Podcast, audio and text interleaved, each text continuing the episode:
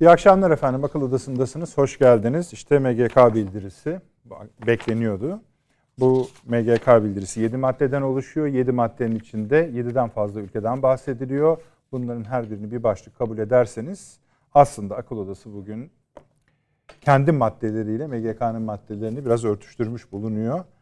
Ee, biz ne konuşacaksak konuşulmuş, gelmiş, öyle anlaşılıyor. Bunların satır aralarına bakacağız. Elbette e, İsveç, Finlandiya'nın NATO üyeliği meselesi var. Biz bunu müzakerelerin perde arkasını kucaklayacak şekilde akıl odası masasına taşıyacağız ve gelinen noktayı sizle paylaşacağız. İki, Sayın Dışişleri Bakanı'nın İsrail ziyareti var. 15 yıl sonra bir Türk Dışişleri Bakanı İsrail'e gitti.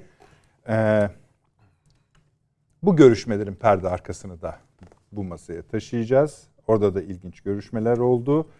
Ee, enerji konusu çok konuşuldu. Burada tabii enerji bahsini özellikle açmak istiyoruz bu akşam şu sebepten dolayı. Ee, birden çok ülkeyi bir araya getirmek istediği Amerika Birleşik Devletleri'nin isim de veriyorlar. Suudi Arabistan, Mısır, İsrail diye.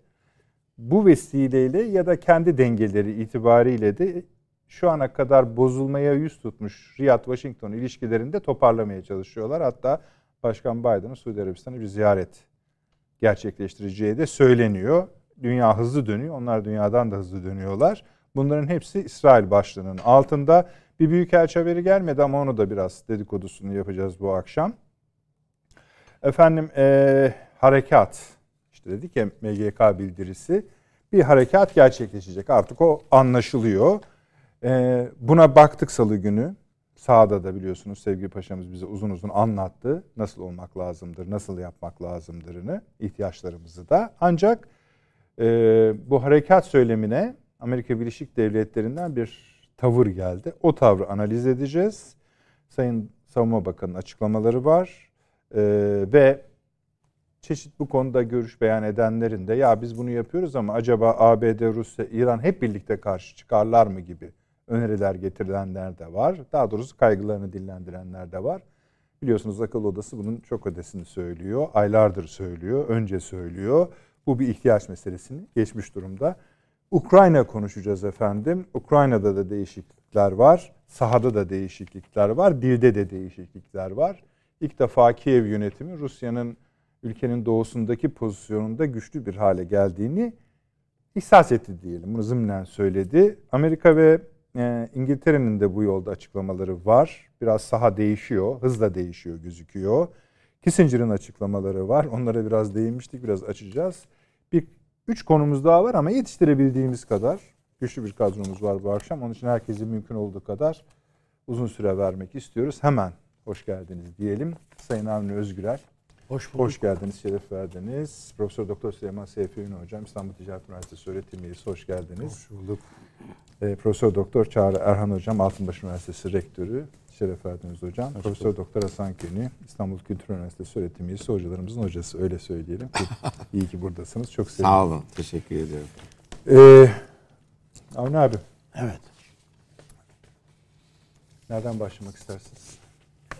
O, tabii ki bu operasyon Harekatta. harekatta Evet. Kanaat yani, artık herhalde bir- olmayacak diye bir şeyiniz yok.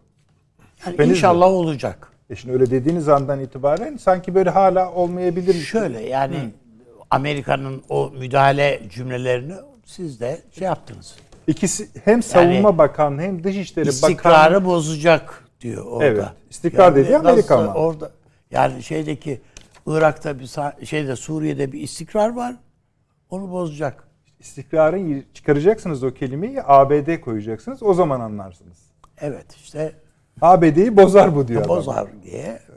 Allah'tan onun çok e, yani okuduk bir tarafa koyduk. Tabii. Manasında bir MGK bildirisi geldi önümüze. O anlamda. O bakımdan ben e, gerçekleşecek inşallah.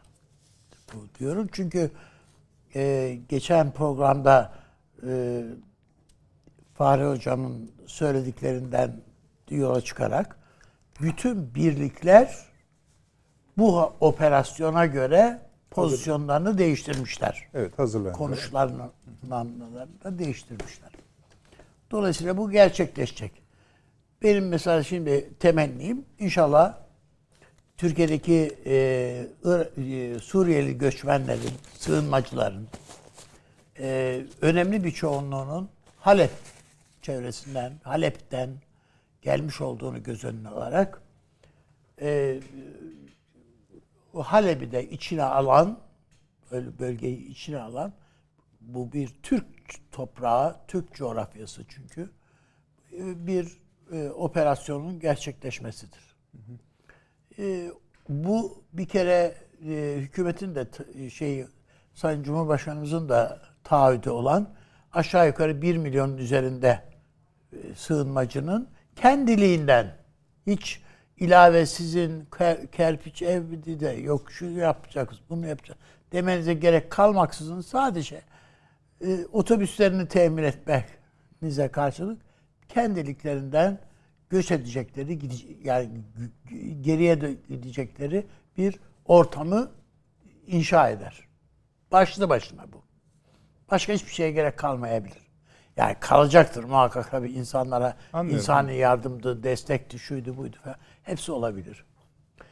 Ben e, bu noktada tabii e, şeyin bütün gü- gücü işte programa girmeden de konuştuk üzerinde.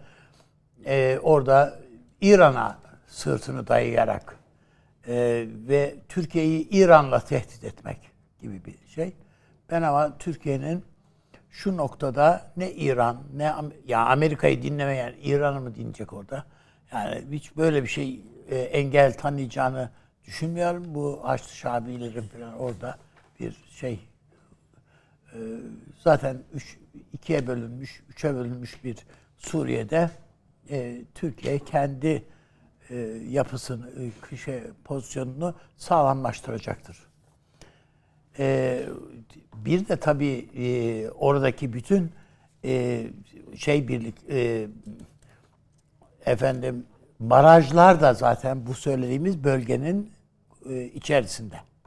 O yüzden e, Suriye'nin bütün tarımsal üretimini de e, gerçekleştirecek olan bir coğrafyadan söz ediyoruz.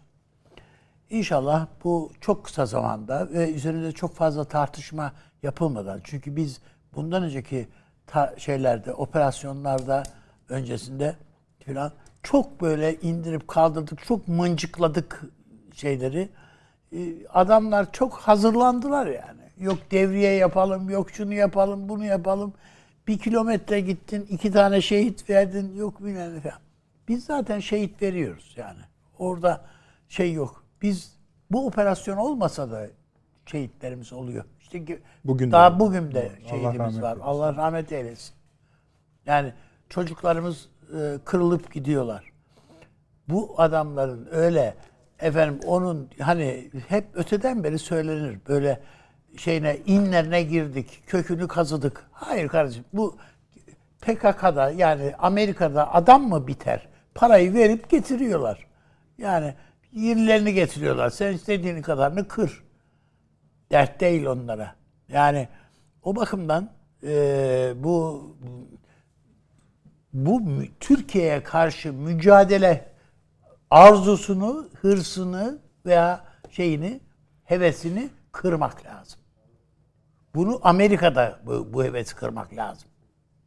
Onun için yani ben önümüzde bu bunu bir fırsat olarak yani tabii şimdi şu ana kadar gerçekleştirdiğimiz operasyonlar son derece önemli. Kazandığımız mesafe, kat ettiğimiz mesafe, kontrol ettiğimiz coğrafya, alan fevkalade önemli ama esas büyük savaş bu. Hani Sakarya'yı veriyoruz gibi bir durum bu. Yani yani ondan önceki mücadele ayrı da ama iş Sakarya ve onun arkası nasıl şey gibi Dumlu Pınar şu bu diye geldiyse tıpkı bu da onun gibi bir şey. Bu operasyonu Türkiye fevkalade önemli bir önemine de öneminin de farkında olarak bitirir. İnşallah çok kısa sürede bu bitecektir diye düşünüyorum. Allah ordumuza destek olsun. Zeval vermesin. Devletimiz bütün gücüyle yani şu anda görünen kadarıyla muhalefeti hariç işte destek oluyor. Yani inşallah e, bir topyekun bir kuvvet halinde milletimiz ordumuza destek verecektir diye düşünüyorum ben. Şüphe yok. Sizce Yani- ne zaman başlar? Eğer gecikirse geciktiğimiz her gün şey olur. Yani ne zaman başladığı değil bir an önce başlaması bir an evvel başlasın yani. MGK yani bugün- şöyle diyor efendim. Yani şu anda başlamış olmasını tercih ederim biz şu dakikalarda. Bir ay önce de öyle söylüyordu. Evet öyle yani. Peki. Şöyle diyor. e, Bir de yazı orada insanların iskanıyla uğraşarak geçirmek var. Anladım. Ya Bir de bu var yani. Peki. MGK şöyle Kış diyor günü efendim. biriket e, evler yaptık. Filan. Güney sınırlarımızın terör tehdidinden arındırılması için hali hazırda icra edilen ve edilecek olan harekatların komşularımızın toprak bütünlüğünü ve egemenliğini hiçbir surette hedef almadığı, milli güvenlik ihtiyaçlarımızın gereği olduğu belirtilmiş. Bu harekatların komşularımızın da huzur ve güvenliğine ciddi katkı sağlayacağının altı çizilmiştir. İlgili bölümü bu. Sizin bahsettiğiniz Amerika açılışta benim de söyledim. Amerika Birleşik Devletleri'nin tavrı da şu.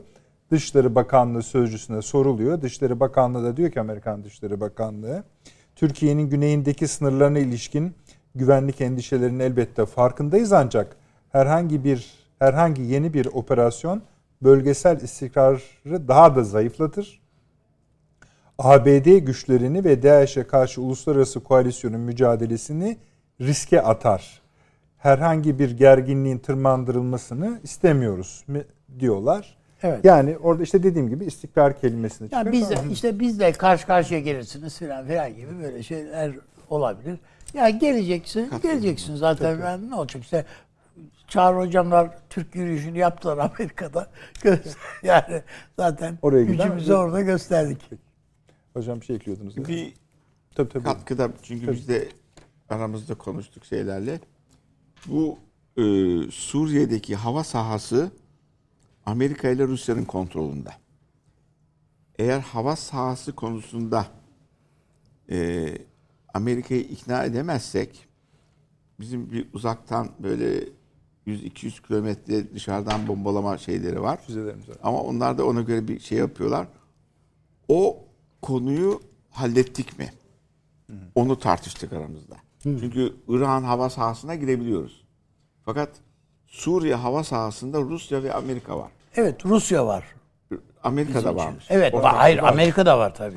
Şimdi bu ikisini halletmiş olmaları lazım. Ee, o yüzden de bir e, Sayın Cumhurbaşkanı'nın mesajını şöyle yorumladık. Bakın bu tür şeylerden rahatsız oluyoruz. Hiç olmazsa bir uyuşma boyutu nedeniyle bu operasyonda önümüzü kesmeyin. Yani Evet öyle onu söyledi zaten. Şimdi bunu bu konuşmaları yapacağız dedi. Yani şeyden önce harekattan önce e, anladığımız Amerika ile Rusya ile şurayla. Onları da hani unutmayacağız, not edeceğiz yani buradaki rea- şeylerini diye. Hocam şey yani size şey yapmışken on, size de sor- size sorayım. Ee, ben İsrail ziyareti sırasında Sayın Dışişleri Bakanı da Bakanı İsrail'e de bu e, bu harekatla ilgili konuşmuştur diye düşündüm. konuşmuş olabilirler. Şeyden çekiniyorlar. Birincisi e, Irak'taki ana hedef Mahmur kampı olması gerekiyor. Asıl Evet. yetiştirilen orada 20 bin kişi böyle şehir Evet. gibi bilmem ne falan. Orası da Türkçe falan kurslar veriyorlarmış çocuklara yetiştirmek için. Oraya kadar inilmesi gerekiyor. İkincisi bir olay İran PKK'yı destekler bazı şeylerde alanlarda. Onu da şey diyoruz. İlanla acaba Hatta bizim hududumuza yakın bir takım şeyleri Rus noktalarını m, İran'ın kontrolüne Evet. ge- geçtiği falan söyleniyor. tarzında. Üçüncü e, yani çekindiğimiz kuvvetler çünkü stratejik konuşma konuşuyoruz. E, hava sahası. Şimdi hava sahası olmadığı zaman hemen hemen ikiye bir, bire bir boyutlarda. Çünkü 100 bin kişilik Amerika'nın silahlandırdığı bazı silah konularında istihbarat alabildi mi alabilmedi mi bir boyut var. Ha orada da bir tavır ortaya koyması, Amerika'nın itiraz etmesi karşısında bir soru işareti koyduk oraya. Yok Amerika bundan mutsuz onu anlıyoruz. Ama işte böyle bir oyun oynayabilir mi? Çünkü e, Çağrı Hoca da iyi bilecektir. Amerika'nın oyunları çok. Mesela bugünkü toplantıda kim vardı biliyor musunuz? James Jeffrey. T. Washington'dan oraya gelmiş. Yani Ankara'daki ismiyle JJ diyorlardı biliyorsunuz. JJ diyorlardı. Orada dinledi. Akşamüstü tartışma vardı. Ben oraya katılmadım. O sırada bir şeyler konuşulmuş. Ee, fakat oradaki bulunan askeri zevat dedi ki hava sahasını halletmemiz lazım. Hava sahası ne hava sahası? Suriye hava sahasına dedi hem Rusya hem bunlar tutuyor dedi. Sadece tek tarafı ikna etmek gerekmiyor dedi. E, o zaman e, soru soracaktım durdurdum. O konudaki şeyi bilmediğim için. Şimdi bir 30 kilometre olduğu için 50 kilometrelik yeri kadar gitse bile Türk Silahlı Kuvvetleri'nin yani bizim öğrendiğimiz kadarıyla vuruş gücü oraları aşıyor. Yani oralara e, kapalı bile olsa vurabiliyor diyebiliriz ama konuşalım tabii. Yani o e, fırtına obüsleri 40 kilometre. E, füzelerimiz var, şunlar var vesaire Füzeler var. falan da var. Ya Varmış. ama yetmez. 80'e de. Hocanın dediği doğru. Yani hava sahasının kontrolü önemli. Veyahut da en azından Amerika'yı bu konuda nokta belki bazı bölge şeyleri işaretleyerek şurayı, şurayı, şurayı diyerek diye. Peki. Ee, o operasyonlar konusunda Amerika ile istişare edilebilir. Yani tek çekindiğimiz konu bu. Yok yine konuşacağız hocam. Şimdi gelecek bir de şeyi söyleyin isterseniz hangi toplantı? İzleyicilerimiz gizli saklı bir şey zannederler. Yo Bu, değil açıktır. ha, e, şeyde nerede yapılmıştı? Konrad Otel. Otelde yapıldı. Şey uluslararası güvenlik şeyi gibi bir şey değil mi? Evet şey Amerikalılar katıldılar. Bazı enstitü Alman daha çok Konrad? Adenauer. Evet, İstanbul Güvenlik Konferansı 2022. Tamam burada. Ama Amerika vardı, İsrail vardı, bilmem ne vardı. 200 katılan var. Meraklı ve Ukraynalılar vardı. O, onlar da tabii sonra gene konuşacağız. Hocalardan kesmeyeyim şimdi şeylerini. Habire Türkiye yeterli değil. Ee, savaşanla e, düşmanla aynı davranıyorsunuz. Biz de dedik ki yani daha ne gibi fedakarlıklar bekliyorsunuz bizden? Yani işte Rus turist geliyor bilmem ne geliyor siz müeyyideleri uygulamıyorsunuz, enerji alıyorsunuz, bilmem ne oluyorsunuz, bilmem ne alıyorsunuz. Şey Ukrayna için ve Amerika'nın politikaları için ölmemizi istiyorlar. Konuşacağız hocam. On- O, o zaman şöyle yapsınlar. Avrupa Birliği onları üye yapsın. NATO'da üye yapsın o zaman konuşalım. Hiçbir bak hepsi hepsi toz oldu gitti. Hiçbirine Avrupa Birliği üyeleri Belki bir sene, bu sene Antalya Film Festivali'ne davet ederler. Zelenski. Zelenski'yi. Orada yani öyle şeyleri seviyor mesela. Bak şey çıktı eski söylemiştik salı günü büyükelçi Amerikan büyük Moskova e, Rusya büyükelçisi çıktı dedi ki biz dedi Ukraynalılara yalan söyledik dedi sizin NATO'ya üye yapacağız diye dedi. Tüm gazetelerde var. Sizin gazetenizde de var. Evet var. Süleyman Hocam buyurunuz. Estağfurullah. Harekattayız yani MGK üzerinden yürüyoruz. Yani hangi boyutunu konuşmamı istiyorsunuz? E şu işte en azından mesela Amerikan boyutuyla başlayabiliriz bu açıklamalarıyla. Yani bu bir Türkiye-Amerika hesaplaşmasına gidecekse PKK'yı vurduğunuz zaman öyle. evet ve Amerika'nın PKK üzerindeki e, akıl almaz kararlılıktaki, ısrardaki desteği düşünecek olursa Amerika'yı test etmiş olacağız. Yani ne yapacak şimdi? Türkiye mi vuracak? Türk uçağı mı düşürecek? Skandal. Skandal değil mi bu? Yani bir NATO ülkesi, bir başka NATO ülkesinin e, askerine veya askeri unsurlarına bu uçak olabilir, başka bir şey olabilir bilmiyorum. Bunu yaptığı zaman bir izah gerekecek bunun. Öyle değil mi yani? Ya Nasıl Siz öyle edecek? olacağını düşünüyor musunuz? Ben öyle olacağını düşünmüyorum. Yol vereceğini düşünüyor musunuz? Yani Amerika bugüne kadar orada çok şeyi görmezden geldi. Bunu görmezden gelir mi gelmez mi bilmiyorum tabii Amerikan e, şeylerinin e, karar alıcılarının eşik noktası nedir bilemem ama gördüğüm kadarıyla bu olacaksa bu da olsun. Peki. E, Peki yani. Evet akacak kan damarda Yani şimdi ben yani. onu anlay anlayam anlamakta zorlanıyorum. Gözümüzün içine baka baka orada bu devleti kuruyorlar. Evet. Şimdi bu e, bizim dışarıdan tamamen barışçıl yöntemlerle, diplomasiyle, görüşmelerle, şunla bunla halledebileceğimiz bir şey olmaktan çıktı. Yani sizi özne olarak görmüyorlar. Özne olarak görmüyorlar. Yani bildiğimiz okuyacağız orada diyorlar. Ve geçen programda da ben bunu söyledim. Körfez petrolünü PKK borularıyla taşımak. Bu bunun başka bir izahı falan yok. Yani Türkiye'yi istemiyorlar böyle bir şeyde. Çok açık. Ee, bunun için de yani senin egemenliğin, e, güvenliğin falan bunlar hiç benim için önemli değil. Bildiğim okurum ben diyor. Şimdi peki yani bunu nereye kadar seyredecek Türkiye? Nereye kadar seyredebilir? Eğer kaçınılmaz olarak yani bu Amerika ile Türkiye'nin karşı karşıya gelmesini gerektiriyorsa telaffuz edelim. Peki. Demeyi bilmek zorundayız. Ne, ne- nereye gidecek çünkü?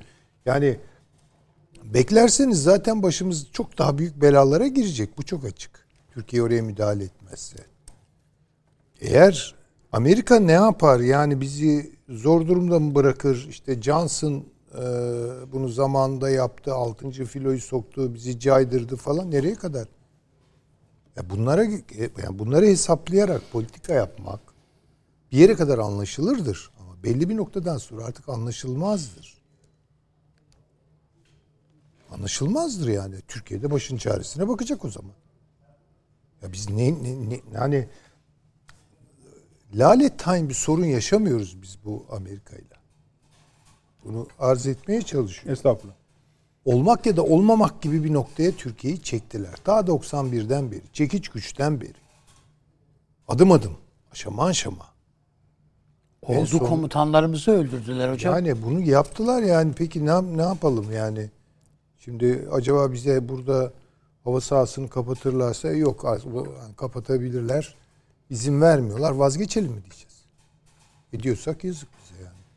O zaman dükkanı başka türlü kapatalım. Başka türlü kapatalım. Ee, benim bu konudaki düşüncem budur. Ama yani bilemem tabii siyasi büyüklerimiz nasıl karar verirler. Bunu ben bilemem ama Şimdi sizin gördüğüm bu benim. Bahsettiğiniz aşamayla şu anki aşamasında bir ara aşama var. O ara, ara aşama şu. Onu teşhis edebileceğiz mi? Belli ki işte konuştuk. Her iki ülkenin en azından Rusya ve Amerika Birleşik Devletleri'nin liderlikleriyle bu konu konuşulacak. Tamam yani. Ne, ya onların ne diyeceğini tahmin ediyorsun. Bilemiyorum şimdi onlar adına. Yani ben bir spekülasyon yapamam. Yani Rusya'nın şu an başının dertte olduğunu e, ve bir miktar gücünü Suriye'den çektiğini, şu an daha çok Karadeniz'e teksif olduğunu, Odessa'nın şu an onlar için Halep'ten daha önemli olduğunu falan söyleyebiliriz. Yani bu biraz belki Rusya'nın elini Türkiye karşısında şu ya da bu derecede zayıflatan bir gelişme. Amerika'nın öyle bir derdi yok tabii. Yani bence esas olan Amerika'dır orada. Yani şimdi Rusya'nın yani şöyle sorsanız bana daha fazla ya da daha az şüphe duyarak şunu söyleyebilirim. Rusya orada Türkiye'ye karşı elini tabancaya götürmez şu an. Yani o zaman bambaşka şeylere doğru da gidebilir iş. Orada da biraz İran'a geçeceğiz biraz sonra. E, tabii- yani tabii o ki. tabanca İran'a dönüşüyor olabilir. mi? Yani o e, İran ne yapacak? İran'ı mı şimdi burada düşüneceğiz? O değil. zamanlamasının denk düşmesini görmek lazım. Yani ben evet daha az şüpheyle söyleyebilirim. Yani bir şey olmaz demiyorum tabii ki yani bilemem. Yani. Ama Amerika konusunda taşıdığım belirsizlik ve şüphe, tereddütler burada o kadar değil. Ama Amerika konusunda bilmiyorum. Yani ya bu iş inceldiği yerden kopacak çünkü nerede kopacak, kopmayacaksa. Yani kopacaksa nerede kopacak? Kopmayacaksa nasıl tamir edilecek? E, tamir edilme yolunda hiçbir şey yok. Adım yok. Ve de tersi yapılıyor. E Şimdi o zaman bunu biz şimdi seyir mi edeceğiz yani ben onu anlamakta zorlanıyorum. Belki biraz bu konuda e, kendi ölçülerimin bile üstünde sert düşünüyorum. Ama yok başka bir çıkar yol falan görmüyorum ben. İkna edebilecek miyiz Amerika'yı? Ha peki hadi gidin orada ben bugüne kadar şu kadar e, yatırım yaptım PKK'yı tepeleyim mi diyecek Amerika. Demeyeceği muhakkak. Buna şiddetle karşı çıkacak. Ama o karşı çıkış Belki şunu da tartışmaya Nereye kadar gider onu Süleyman Hocam. bilmiyorum. Diyelim ki Amerika ile görüşüldü. Tamam dendi. Ondan sonra harekatın hedefleri konusunda da tartışacağız. E buradakiler ne oldu? Biz hani 30 kilometre mi, 50 kilometre mi, gerekli yerler tamamlandı mı, şu verilen boşaldı söz- mı, boşalmadı mı? Yani şu verilen sözleri göstereceğiz herhalde değil mi yani? Şöyle diyor tam da o zaman Sayın Akar Savunma Bakanı. Gerçekleştirdiğimiz harekatlardaki bölgeler normalleşmenin başladığı yerler haline geldi. Bunun devamını sağlamak isterken ABD ve Rusya'nın oyunlarına denk geldik. Terörü temizleyeceklerine dair garanti veren ülkelerle mutabakatlar yaptık. Her şeyi belirledik fakat verilen sözler Yani Pence, Tutulmadı. Pompeo geldiğinde anlaşma bu değil miydi yani? E, tamam uymadılar. Bunu gerekçe göstererek Türkiye herhalde gerekeni yapacak diye ümit ediyorum. Ama cayma olursa bilemeyeceğimiz başka şeyler onları bilmiyorum. Benim yani, e, dikkatli götürmeye çalıştığım düz bakış her zaman sorunludur. Onu da kabul ediyorum ama dikkatli götürmeye çalışarak düz bir bakışla gördüğümde bu yani. teşekkür ediyorum hocam. Çağrı hocam. Daha evvel bizim bölgeye defaatle operasyon yaptık. Ne zaman Sayın Cumhurbaşkanımız operasyon olacak dediyse oldu. Dolayısıyla Erdoğan operasyon olacak dedi. Demek ki bu olacak. Ha bugün mü olur? Yarın mı olur? 29 Mayıs Fetih Şöleni'yle beraber mi olur? Yarından da yakın mı olur? Onu bilemeyiz. Çünkü çok net, somut herkesin bildiği, bizlerin burada defalarca tartıştığı bir takım sebepler var ortada.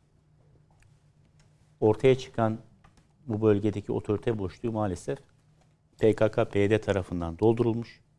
Kendi büyüklüğüyle orantısız bir alanda egemenlik tırnak içerisinde söylüyorum. Egemenlik kurmaya dönük somut adımları ABD'nin yardımıyla atmış. Yine otorite boşluğunun olduğu bir bölgeye Haçlı Şabi dönmeye başlamış. O bölgelerde kontrol elde etmeye başlamış. DAEŞ'in yavaş yavaş saklandıkları yerlerden bu bölgelere gelmeye başladığını görüyoruz. Ve böyle bir ortamda biz ülkemize sığınan Suriyeli kardeşlerimizin ülkelerine geri dönüm, dönüş şartlarını sağlayabilmek adına da bir takım adımlar atmak mecburiyetinde kalıyoruz. Güvenliğimize dönük tehditler söz konusu olduğunda, Türkiye'nin hayati çıkarları söz konusu olduğunda, geçmişte de çok örnekleri görüldüğü gibi Türkiye blok lideri, kutup lideri, işte büyük abi filan dinlemez. Yani Türkiye daha evvel siz söylediniz sanırım geçen hafta. Orta büyüklükte bir ülkedir. Ama orta büyüklükte stratejik bir ülkedir. Yani sıradan bir orta büyüklükte ülke değildir. Mesela Güney Afrika da orta büyüklükte bir ülke. Türkiye öyle değil. Türkiye stratejik önemi haiz bir orta büyüklükte ülkedir. Bu tür ülkeler e, dış politikalarında genellikle içinde bulundukları ittifaklar sisteminin liderinin dümen suyunda giderler. Zaten çıkar ort- ortaklıkları da vardır. Ama ne zaman ki hayati çıkarları zarar görür, orada dinlemez. Yani 20 Temmuz'da Kıbrıs'a çıkar. Başına ne geleceğini bile bile çıkar 1974'te. Silah ambargosu uygulandığında geri adım atmaz, ikincisini de yapar harekatın. Geçmişte pek çok örneğini bunun gördük biz. Burada da maalesef Amerika Hatay'da da hocam. Hatay'da da öyle oldu. Yani o zaman da karşı çıkanları elinin tersiyle ettik. Dolayısıyla burada bir devletin başı diyor ki burada bizim için artık bir zaruri durum ortaya çıktı. Niye? Bugünkü MGK bildirisinde de yer aldığı gibi satır aralarını ok- okuduğunuzda belki oradaki her bir cümlenin aslında arkasında sayfalarca makale felsefi olarak baktığınızda yer alabilir. Çünkü satır aralarında ne diyor? Müttefiklik ruhu diyor. Müttefiklik hukuku diyor. Ahde vefa diyor. Siz müttefikliğe ve ahde vefaya yani uluslararası hukuk değerli hocam çok iyi bilir onun uluslararası hukuk alanındaki uzmanlığı hepimizden fazla. Uluslararası hukuk iki temel ilkeye dayanır. Pacta sunt servanda bona fide. Evet. Yani ahde vefa hüsnü niyet. Şimdi müttefiklik de aslında bunlardan kök alır. Terörizme destek vererek, terörizmi himaye ederek uluslararası hukuku açıkça ihlal eden müttefiklerimizden, sözde müttefiklerimizden söz ediliyor bu bildiride. Kim onlar? Açık açık söyleyelim İsveç. Şimdi bu bizim sözde müttefikimiz değil daha. Olmak istiyor. Namzet. İsveç fabrikalarından çıkmış silahlar PKK'lı militanların ellerinde, mağaralarında ortaya çıkıyor. Keza aynı şekilde Finlandiya sokaklarında PKK gösteri yapabiliyor. O da namzet. Bunlar namzet ama bir de içerideki müttefiklerimiz var. PKK'ya binlerce tır dolusu silah veren, e bizim müttefikimiz Amerika Birleşik Devletleri değil mi? Keza yine bizim müttefikimiz olan e, İtalya'dan gelen maalesef piyadelere karşı kullanılan antipersonel mayınlar yüzlerce can yakmadı mı? Keza Fransa PKK'ya değil ama DAEŞ'la Türkiye'nin mücadele ettiği DAEŞ'la işbirliği yapmadı mı? Petrolü kimden aldı? Bu Lafarge skandalı nasıl ortaya çıktı? Mesela atıyorum ortaya bir soru. Mesela yarın öbür gün bir DAEŞ liderlerinden bir kadrodan biri yakalansa bu bölgede bu harekat sırasında ve dese ki ya biz Fransa bizi yönlendirdi bu işleri yaptık. Nasıl insanlığın yüzüne bakacak Fransız liderliği? İç içeler. Adamlar utancından fa- fabrikanın adını değiştirdiler. Ya. Lafarge İç, iç olmaktan içeler. çıktı. Yani dolayısıyla böyle bir ortamda Türkiye'nin hayati çıkarları söz konusu. Öyle olduğu zaman da kavgada yumruk sayılmaz. Elbette ben bir asker olmadığım için stratejik konuları işte paşam herhalde salı günü üzerinde duracaktır. Harekat başladığında Bayağı sıklıkla durdu aslında bu salıda ha, anlattı duracaktır. Ee, bilemem. Yani oradan mı girilir, buradan mı girilir ve teeddüp ederim yani o konuları konuşmaya. Çünkü hiçbir şekilde benim alanım değil. Ama geçmişteki hadiselerin karine teşkil edeceğini, Türkiye kararlılığını ortaya koyduğu zaman da uluslararası alanda attığı bir takım adımlarla o tür askeri maniaları ortadan kaldırdığını, izale ettiğini evvelce gördük. Benzeri şekilde cereyan edebilir. Nasıl cereyan? Cumhurbaşkanı ilk söylerken eksiklerimiz kalmış dedi. O eksiklikler aslında çok elle tutulur eksik. Yani gözde görülüyor. Şuranın tamamlanması lazım. Bu alanın bitirin gibi. Onlar anlatıldı yani. Yani esasında. haritaya baktığınız zaman Evet, zaten evet. görüyorsunuz. Görüyoruz. Yani bazı alanlarda Hani- boşluklar var ve maalesef oralara sızmalar oluyor. çekilmiş diş gibi duruyor Ben yani. işin siyasi boyutundan bakıyorum o yüzden Tamam. askeri boyutundan değil. Şimdi böyle bir harekatı gerçekleştirdiğimiz zaman aslında şunu unutmayalım. Bu sadece Türkiye'nin çıkarına değil. Bu aynı zamanda bölgede Türkiye'nin komşuları olan ülkelerin de çıkarı. Yani o yüzden bu MGK bildirgesinde Türkiye'nin komşularının sınırlarına, toprak bütünlüğüne, egemenliklerine olan saygısından söz ediliyor. Şimdi Türkiye'nin komşuları dediğiniz zaman demek ki biz Esad yönetiminin Suriye'sinin de toprak bütünlüğünden söz ediyoruz. Çünkü o da bizim komşumuz. Egemenliğinden söz ediyoruz. E bu bölgenin PKK'dan, PYD'den temizlenmesi Şam yönetiminin işine mi gelir? Yoksa aman ha bırakın orada kalsınlar mı der? Herhalde işine gelir. İşine gelecek. E, ülkesinin üçte birini işgal ediyor Amerika'nın yardımıyla. Peki İran işine mi gelir? İran kuzeyindeki Kürtlerin işine mi gelir? Yoksa bunlar desteklerler mi? Bu bölgenin DAEŞ'ten temizlenmesi. İşlerine gelir. Başka bir komşumuz Rusya. Değil mi? Onların işine mi gelir? Elbette onların da işine gelir. O yüzden bence bir defa Rusya ve Amerika beraberce karşı çıkacak diye düşünmeyelim. Türkiye oturup gerek Ukrayna krizinin başından itibaren sergilemiş olduğu tutum sebebiyle, gerek NATO genişlemesi esnasında Finlandiya ve İsveç'in üyeliklerine karşı sergilemiş olduğu tutum sebebiyle, gerek Suriye ile belki ileride bir adım atılabileceğine dair e, işaretler, emareler sebebiyle oturup Rusya ile bu konuda müzakere edebilir.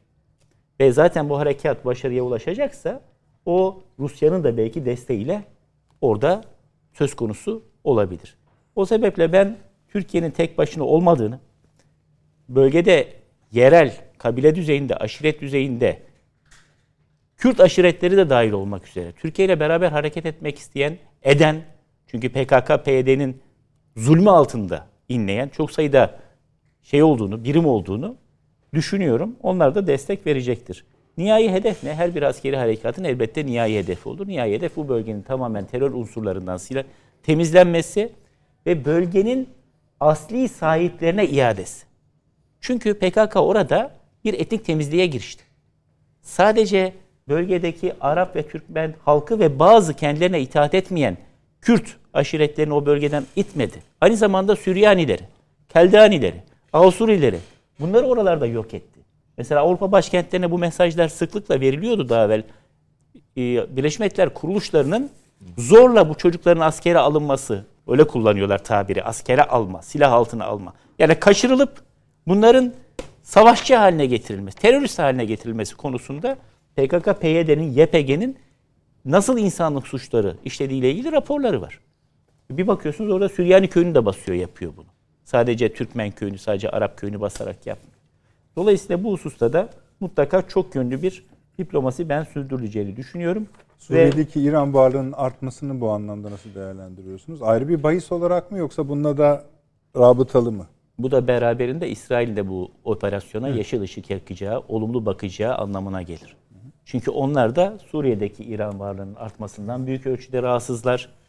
Ee, Suriye içerisindeki hala varlığını devam ettiren azımsanmayacak sayıda bir kesim de bundan e, rahatsız. Çünkü Suriye'de herkes Rusya'nın orduyu dizayn ettiğini düşünüyor. E pek öyle gelmiyor haberler. Baya baya İran Şam rejiminin ordusunun yeniden dizaynında kilit noktalara kendi devrim muhafızlarını işte Haçlı Şabileri vesaireler oturtarak bir operasyon yürütmeye çalışıyor. Peki Rusya'nın davetkar olmasını nasıl görüyorsunuz? İran'a Şimdi orada ortak düşmana karşı birliktelik söz konusu. Yani Amerika Birleşik Devletleri orada. Amerika Birleşik Devletleri'nin PYD'nin yanında durması e, Rusya'yı rahatsız ediyor tabii bu kadar açık bir şekilde. Onlar çünkü kendi kontrollerinde bu işin yürümesini istiyorlar. Yani PYD PKK'ya çok mesafeli değil Rusya. Ama onlar istiyorlar ki kendi kontrollerinde bir orada oluşum olacaksa olsun. Ama Amerika bayağı bu işin göbeğinde. şey mi ekleyeceksiniz? Ee, ben bölmüş olmayayım Buyurun, hocam. buyurun hocam. Estağfurullah. Sohbet edelim. Ee, İran'ı ben ayrıca özel olarak takip etmek e, ihtiyacını duyuyorum. Bugün tabii kağıt üzerinde İran ve Amerika Birleşik Devletleri'nin işte 30 yıllık bir kan davası var falan. Ama dikkat edin ton iyice düştü. Hemen hemen yok gibi. Ve şaşırtıcı bir biçimde İran'ın Suriye işlerine girmesine Amerika'dan tek bir itiraz gelmiyor. Evet o da ilginç. Ve Rusya ile şu an İran'ın ilişkileri belki dönemin en kötü noktasında. Bunu da biliyoruz. Amerika bunu niye yapıyor? E, yaptığı zaman ne elde ediyor? Ek- ektiği şeyin hasadı ne? İsrail'de müthiş bir tepki topluyor. İsrail'de hocanın dediği orada çok doğru. Yani Amerika ile İran arasında çok tuhaf örtük bir işbirliği. Bu konuşulmuş mudur bilmiyorum. Ama çok paralel bir gidiş var. Mesela hocam Ses bugün tuhaf, tuhaf biraz. bir gelişme oldu. Hatta yayına girmeden evvel de konuştuk arkada. Biliyorsunuz hafta başında İran'ın çok önemli bir devrim muhafızı komutanı Evet, hem de bir özel birlik onların içerisinde de böyle özel harekat diyebileceğimiz bir özel birlik komutanı Albay. Tahran'da bir albay öldürüldü. Suikaste kurban gitti. Kim vurdu acaba? Bu devrim muhafızlar arasında bir hesaplaşma mıydı? Çünkü daha evvel biliyorsunuz iki sene evvel bir suikaste kurban giden onların generali vardı. Onun ekibiyle başka bir ekibin hesaplaşması mı? Yok siyasi hesaplaşması falan derken New York Times dedi ki bunu Mossad öldürdü. Hayda. Şimdi New York Times hocam bilirsiniz New York Times'ta şöyle oturduğunuz zaman editorial board'a 10 kişi varsa 7'si zaten Mossadi'dir. Yani kalkıp da kendilerine zarar verecek bir şey. Ya İsrail'le de bağlantılıdırlar yani iç içedirler. Ya, i- i- doğrudan İsrail'e zarar verecek bir haber çıkmaz yani. Ama burası bunu Hatta nasıl veriyor? Mossad diyor. Bu bilgiyi CIA'ya verdi diyor. CIA'ye sızdırdı Ha, diyor. sızdırdı diyor. Ve Bir şekilde de biz bunu elde ettik diyor. Yani Mossad bana doğrudan vermedi diyor. Şimdi bu çok ilginç bir şey. İsrail Yani- basını da nasıl oluyor diye şey ayaklanıyor. Vay Ha, o, o zaman işte hocamın söylediğine geliyor. Ee, eğer bunu gerçekten Mossad yaptıysa ki New York Times'ta yer aldıysa bu şekilde E, evet. o muhtemeldir. Böyledir yani. Ee, o zaman İsrail şu mesajı veriyor. Yani İran'la çok fazla yaklaşma. Ben kalkarım bu iş istediğim operasyonu İran'ın göbeğinde yapabilirim mesajını kime veriyor? Washington'a veriyor aslında. Tahran'a değil bu. Bu mesaj Washington'a verilmiş oluyor. Dolayısıyla İran'ın e, buradaki varlığının güçlenmesi Suriye açısından bakıldığında İsrail'i rahatsız ediyor. Çünkü Suriye ile Lübnan komşu. Suriye'de İran'ın gü- güçlenmesi demek Lübnan'da Hizbullah'ın güçlenmesi demek. Biz bulan militan anlamında güçlenmesi. Yani siyasi anlamda değil. Çünkü biliyorsunuz siyasi olarak biraz geriye gidiyorlar Lübnan'da. Bundan da en büyük rahatsızlığı kim duyar? İsrail duyar. Dolayısıyla bütün bunları bir araya getirdiğimizde biz burada blok olarak Türkiye'nin karşısında bir grubun yer alacağını, işte bunu engellemek için ellerinden geleni yapacağını falan düşünemeyiz. Türkiye'nin yanında yer alacaklar, Türkiye'ye dışarıdan destek verecekler, nötr kalacaklar olacaktır. Hatta ve hatta son tahlilde Amerika Birleşik Devletleri'nin bile Türkiye'nin haklı gerekçelerle burada teröre karşı operasyon yaptığını e, ima edecek bir takım cümleler kurabileceğini ben düşünüyorum. Ha, orada da tabii NATO pazarlığı vesaire bir tarafta döner.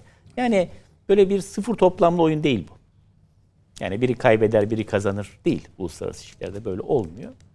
Ee, bir hadiseyi yan olaylarıyla beraber değerlendirmek lazım. Yani evet bir Suriye'de operasyonu tartışıyoruz ama Türk dış politikası Suriye'de operasyondan ibaret değil.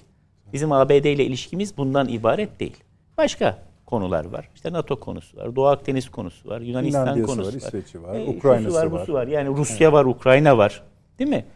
E, yani terörle mücadele var, DAEŞ'e karşı mücadele var. Bütün bunları bir araya koyduğunuz zaman bir bakarsınız o hava sahası açılı verir. Kısmi olarak açılı verir. Hadi bakalım hızlı bir şekilde. Hatırlarsınız değil mi? Evet hocam, Herhalde öyle. 90 e, 90 ya da 93'tü. Biz orada çok büyük bir harekat gerçekleştirdik. İlk sınır ötesi harekatlarımızdan Irak'ta. Güneş harekatı. 72 saatliğine açtılar havaalanını. Irak dedi, şey ABD dedi hocam. ki ya çok süratli bir şekilde yapın, Evet. bitirin çıkın. 72 saatliğine hava sahasını açtı. bir şey oldu. Yani demek ki böyle zaman zaman bazen de oldu bitti. Ee, bizim de yapabilmemiz lazım. Peki. Ee, şeyi de hatırlatalım. Hani madem bu bölgeyi tamamlıyoruz. Irak Meclisi'nde bugün yasa altına alınan İsrail'e yönelik o cümleyi de söyleyeyim. Ee, onaylanan yani Irak Meclisi efendim bir karar aldı, onayladı, geçirdi meclisinden. Bu yasaya göre İsrail ile ilişki kurmak ve normalleşme adımları atmak, işbirliği yapmak suç kategorisine sokuldu. Sadece sokulmakla kalmadı. Yasada İsrail ile siyasi, diplomatik ve güvenlik işbirliği yapanların cezası müebbet hapis ve idam olarak belirlendi. Hatta Sadır Hareketi lideri e, Mukteda e, Sadır bunu kutlamamız lazım. Herkes sokaklara çıksın diye de e, ilanda bulundu. Bu da Irak, Irak'ın durumu. Tabii Kuzey Irak değil. Siz bir şey daha söyleyeceksiniz sanırım Şu e, şimdi Çağrı Hoca'nın söyledikleri hakikaten çok ayakları yere basıyor. Bir iki noktayı biraz Buyurun, buyurun. düşündürtüyor bana. Şöyle e, tekrar bunun altını çizelim. Yani Amerika Birleşik Devletleri ile İngiltere rap rap askeri adımlarla yol almıyor. İtişiyor, kakışıyorlar. Bakın. En çok itiştikleri nokta bu. Ee, İngiltere Kuzey Irak yö- yönetimine yatırımda bulunuyor. İsrail hani biz hep aklımızda PKK'yı destekler İsrail. Yani desteklediği yerler vardır. Tercihi Barzani'den yanadır. Dikkat edelim. Ee, dolayısıyla burada bence bu İsrail, Kuzey Irak, Kürt yönetimi İngiltere ve Türkiye arasında bir şey işliyor. Bir mekanizma işliyor. Network diyelim. Yani şu yani burada Amerika'nın tezine karşı bir başka tez gelişiyor. Bu da zaten enerji yoluyla alakalı. Enerji bu akşam Oraya geleceğiz. Ama yani bunu bunu öyle görelim. Bakın İngiltere'den tık çıkmıyor. Ben bakıyorum özellikle.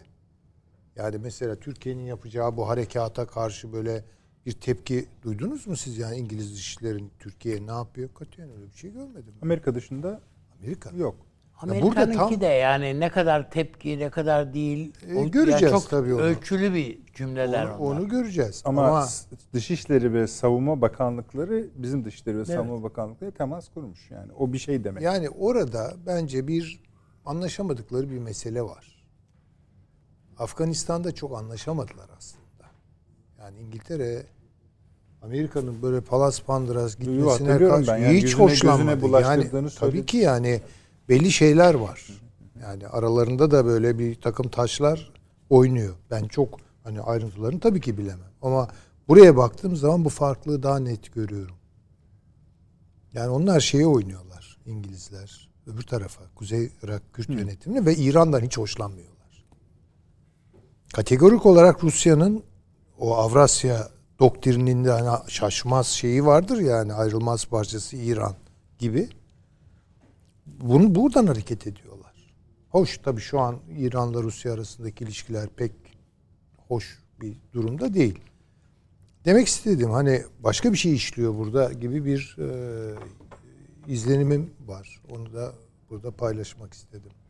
Tabii ama yine, yani onu konuşacağız yine de hani ortada orada bir terörist varlık İran'da, var. İran'ın yalnız bu hocamın falan da söylediğine e, bir ekleme İran'la ilgili olarak. İran elin eli para gördü bu sene. Şu ay aya kadar bu yıl 186 milyar dolar olmuş petrol ihracatı. G20'ye girdi. Neredeyse. Yani yani alırlarsa girecek çünkü Ve- rakam tutuyor. bu Esed'e para yani O ilginç o Suriye'de ilk defa ekonomik olarak da e, arkasına koyabiliyor yani o gücün parayı. Çünkü geçen sene falan 80 milyar dolar falan civarında bir şeydi. Falan. Ben e, bunun Amerika'nın göz yumması dışında hiçbir şekilde o ihracatı Kendilerine sorarsanız da bugün mesela Cumhurbaşkanı açıklama yaptı. Biz yaptırımların kalkmasını beklemeyeceğiz. Kendimiz bir merkez kurduk. Onun üzerinden yürüteceğiz diye.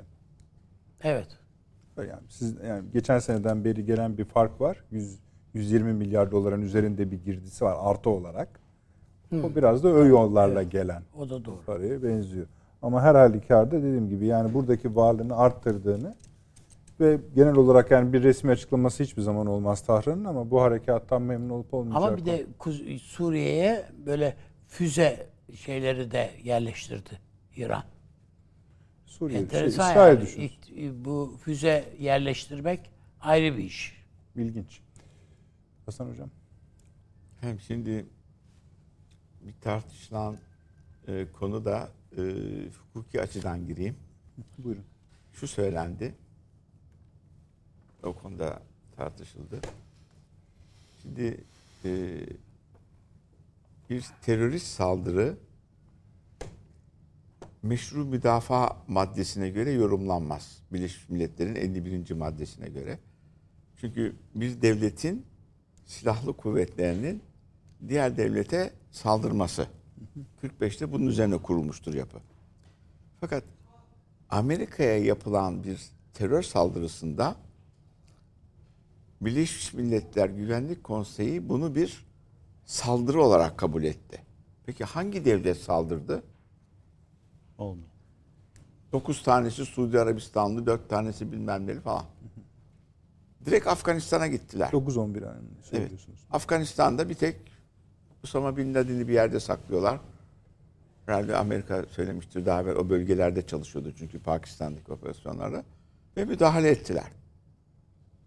Demek ki bir terör saldırısı olduğu zaman Amerika başka bir ülkeye müdahale edebiliyor. Ve bunu da meşru müdafaa boyutu içinde ele alabiliyor. Tabii, güzel de isimler koyar biliyorsunuz. Evet. Önleyici vuruş. Bu çok, çok önemli işte. Şimdi Türkiye'de bunu söylüyor. Diyor ki burada benim güvenliğimi tehdit eden ve gittikçe gelişen ne gibi boyutlara ulaşacağı belli olmayan Irak tarafında da bir gelişmeler var, Suriye tarafında gelişmeler var. Türkiye içinde uğraşılıyor. İran tarafında ne gibi durumlar var? Pejak'tan pek haber alamıyoruz. Ama bu olay büyüyor ve şöyle diyorlar. Yani böyle bir kenara atılacak bir olay değil. Karşımızda hemen hemen bölge içinde bulunan 40 milyonluk bir halk var. Şimdi bu bayağı büyük bir olay. Bunun genişlemesi boyutunda bambaşka boyutlar ortaya çıkabilir. Bu bir. İkincisi işte İsveç, Finlandiya, tabii başta Amerika, ilk önce de İsveç kabul etmiş. PKK'yı bir terör örgütü olarak kabul etmiş. Şimdi terör örgütü olarak kabul edip bu kadar destek vermek bir ülkeyle alay ediyor demektir. Yani Türkiye, Avrupa'da bir sürü ayrılıkçı hareketler var. Herhangi birini destekleyebilir. böyle kimsenin bir hareketini desteklemiyor. Ve bunu da konuşmalarda şunu getiriyorlar. Diyorlar ki insan hakları ve azınlık hakları var. Biz buna azınlık hakları üzerinden bakıyoruz. Tamam biz de Fransa'daki baskıları de- destekleyelim. İspanya'daki bilmem neleri destekleyelim. Belçika'daki Flamanları destekleyelim. İsveç'teki Lapa'daki yaşayanları destekleyelim. Ve bir takım silahlar verelim. Bu kabul edilebilir mi? Şimdi uluslararası hukukun bir ters bir boyutu var. Hukukun ters boyutu var.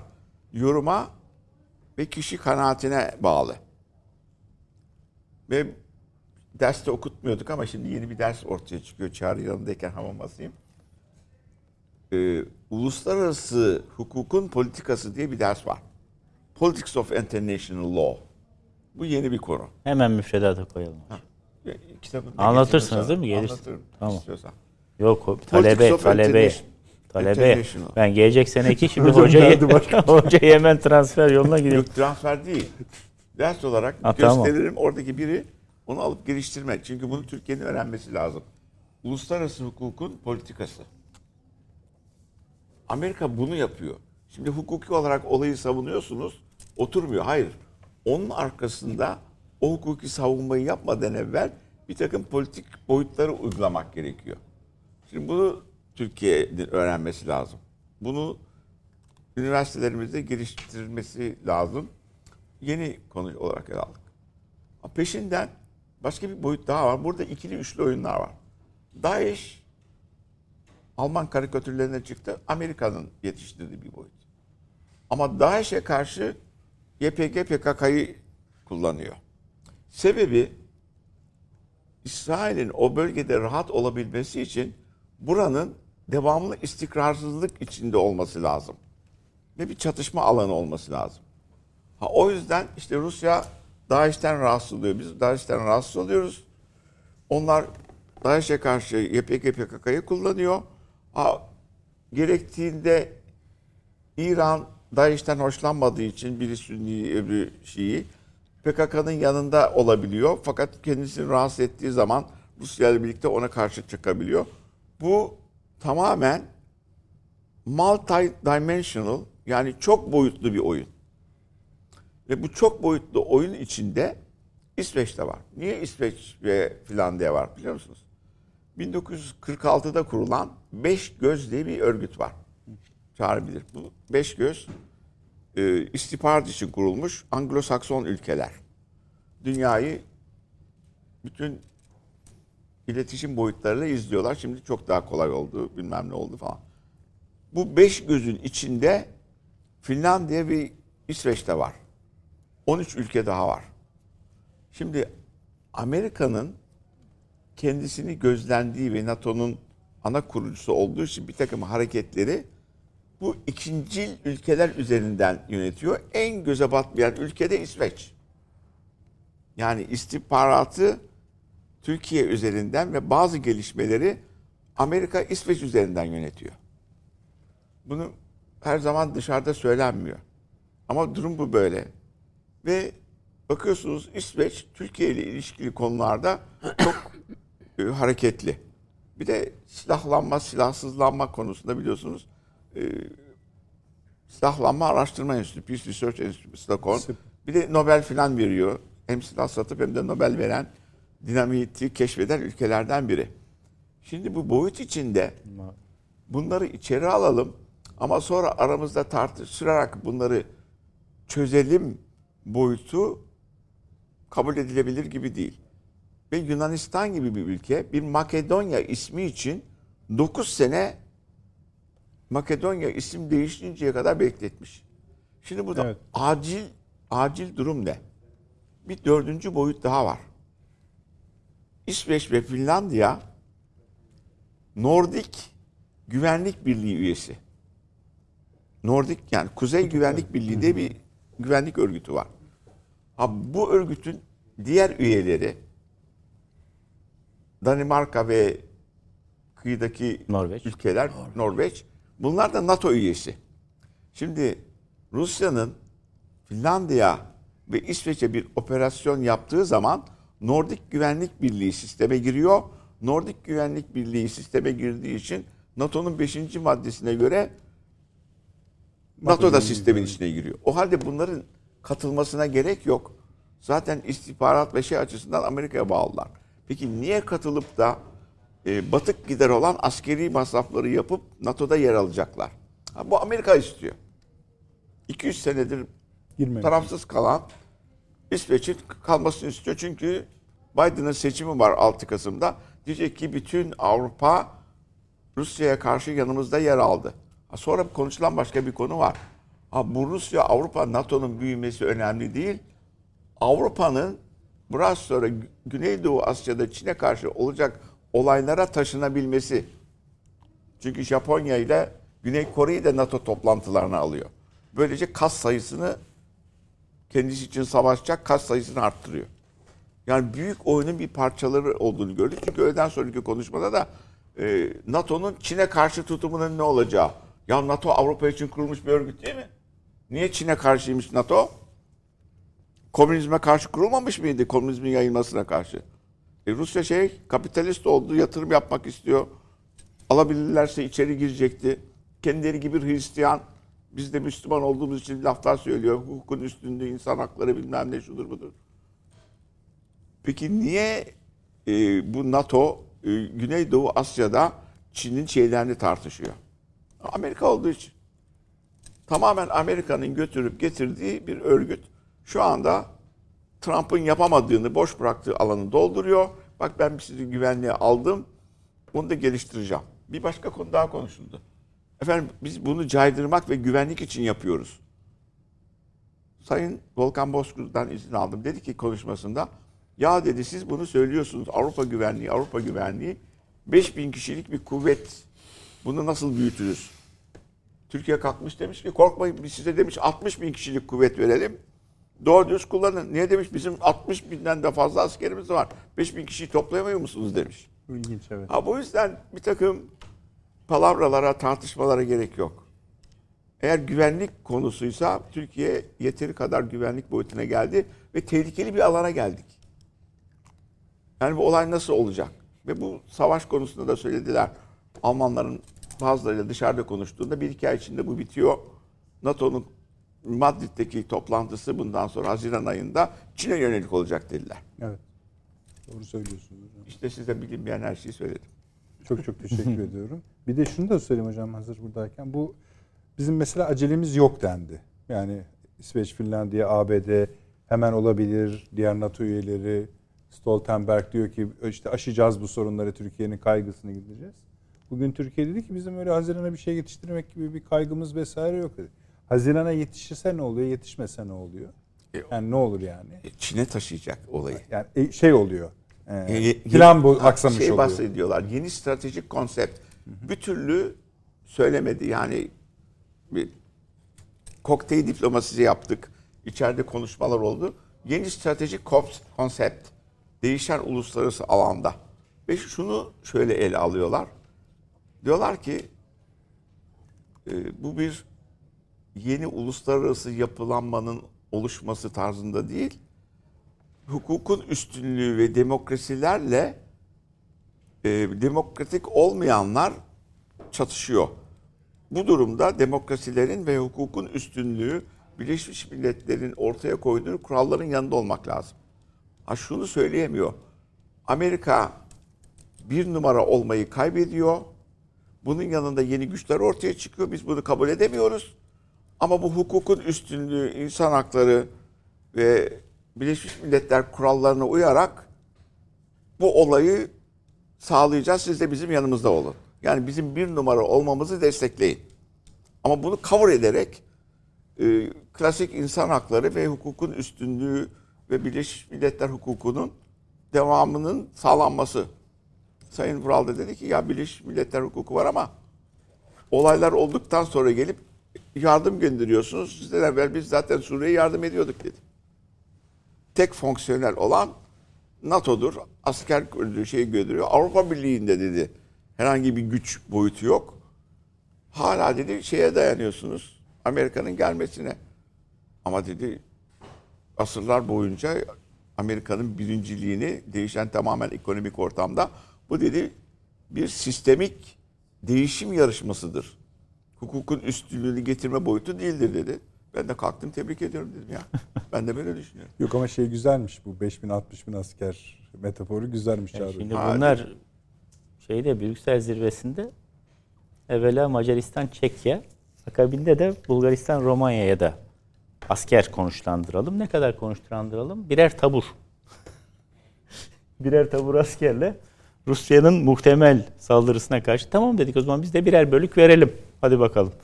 Yani bunlar neden bahsettiklerinin farkında değiller. Hocamın bahsettiği o 2030 stratejisi mühim. Çünkü bunlar iki yıldır çalışıyorlar. Oraya girmeyelim de şöyle yapalım izin verirseniz. Yani reklama gideceğim de onun için Çağrı Hocam. Bu bugün Ankara'da öyle tarif etti. Ee, İsveç'in 200 yıldan sonra dönmesini kırılma olarak yani stratejik bir okumadan bahsediyor gibiydi mesela Sayın Kalın. Ee, bunu sağlayan gerçek yani hocam dedi ki Amerika işte bunu yaptırıyor dedi. Evet, aynen öyle. Ve 200 yıl dayanmış yani şimdi niye bu kadar hani bozulabiliyor, deforme oluyor kararında? Yani hakikaten Yani öyle Am- mi yani? Amerika Birleşik Devletleri. Nasıl ki? O zaman bir teşbih daha yapalım. Nasıl ki 1990'ların ortasında hiç istememelerine rağmen İsveç'i, Finlandiya'yı ve hatta Norveç'i o tarihte kulaklarından soka tutarak Avrupa Birliği'ne Almanya soktu. Evet. Çünkü şimdi bu Avrupa'nın çulsuzları geliyor. Bunların yükünü nasıl pay yap ben Alman maliyesi mi kaldıracak tek başına? Zaten iki Almanya birleşti 100 milyar avro bana girdi. Siz de girin yüklenin bunu diye. Anna Lind'in ölümüyle falan filan da bunların hepsi böyle iliş- ilişkilendirebilirsiniz. Yani Norveç uyanıklık yaptı. Ben dedi bir referanduma götüreyim dedi. Çünkü 73'te de ben reddetmiştim. Norveç halkı gerçekten de o Norveçli balıklarına ellerine böyle krem falan sürerler. Dediler ki bir dakika biz balıkçılık politikamıza öyle başkasını ortak etmeyiz kardeşim. Bir de Kuzey Denizi'nde petrol var kusura bakmayın. Ben o fonla zaten demokrasi insan hakları konusu. O zaman nasıl Almanya soktu bunları? Bugün de ABD soktu. Niye? 1100 kilometre. Nedret Bey, Finlandiya'nın Rusya sınırı. Şimdi senin 1100 kilometre birden NATO sınırı oluyor. Hadi bakalım Rusya o zaman oraya tabii ki kuvvet konuşlandıracak. Nereden alacak o kuvveti? O kuvveti Çin sınırından alacak veyahut Ukrayna'dan alacak veyahut bir yerlerden alacak yani. Rusya'nın öyle çok büyük muvazzaf bir askeri gücü yok.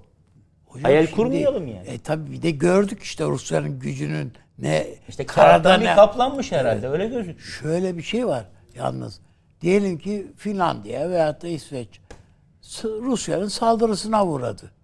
Şimdi Avrupa'yı korumak için bu örgüt, bu NATO kurulmuş. İşte Batı Avrupa, e, Doğu Avrupa'daki yapılanmayı da biliyoruz. Burada ordunun nasıl dizayn edileceği buralarda işte Almanya'dan Romanya, Türkiye'ye kadar, Yunanistan'a kadar her yerde belli. Finlandiya'ya gidip neyi kimi koruyacak yani? Bu ordular Finlandiya'da Rusya'ya karşı hangisi gidip savaşabilir? E hem öyle Ha? hem Nihat Yani Paşam geçen öyle hafta değil mi hocam? Bu bahsetmişti yani. NATO bundan. açısından bir stratejik hata değil mi yani bu? Nasıl bir öngörü? ya da işte yeniden öngörüsüz- bir e, Bu transformasyon. Bey o kadar bir, çok sonuç bir, çıkaracak. bir yani meselede bir meselede tabii Kuzey Kutup bölgesi.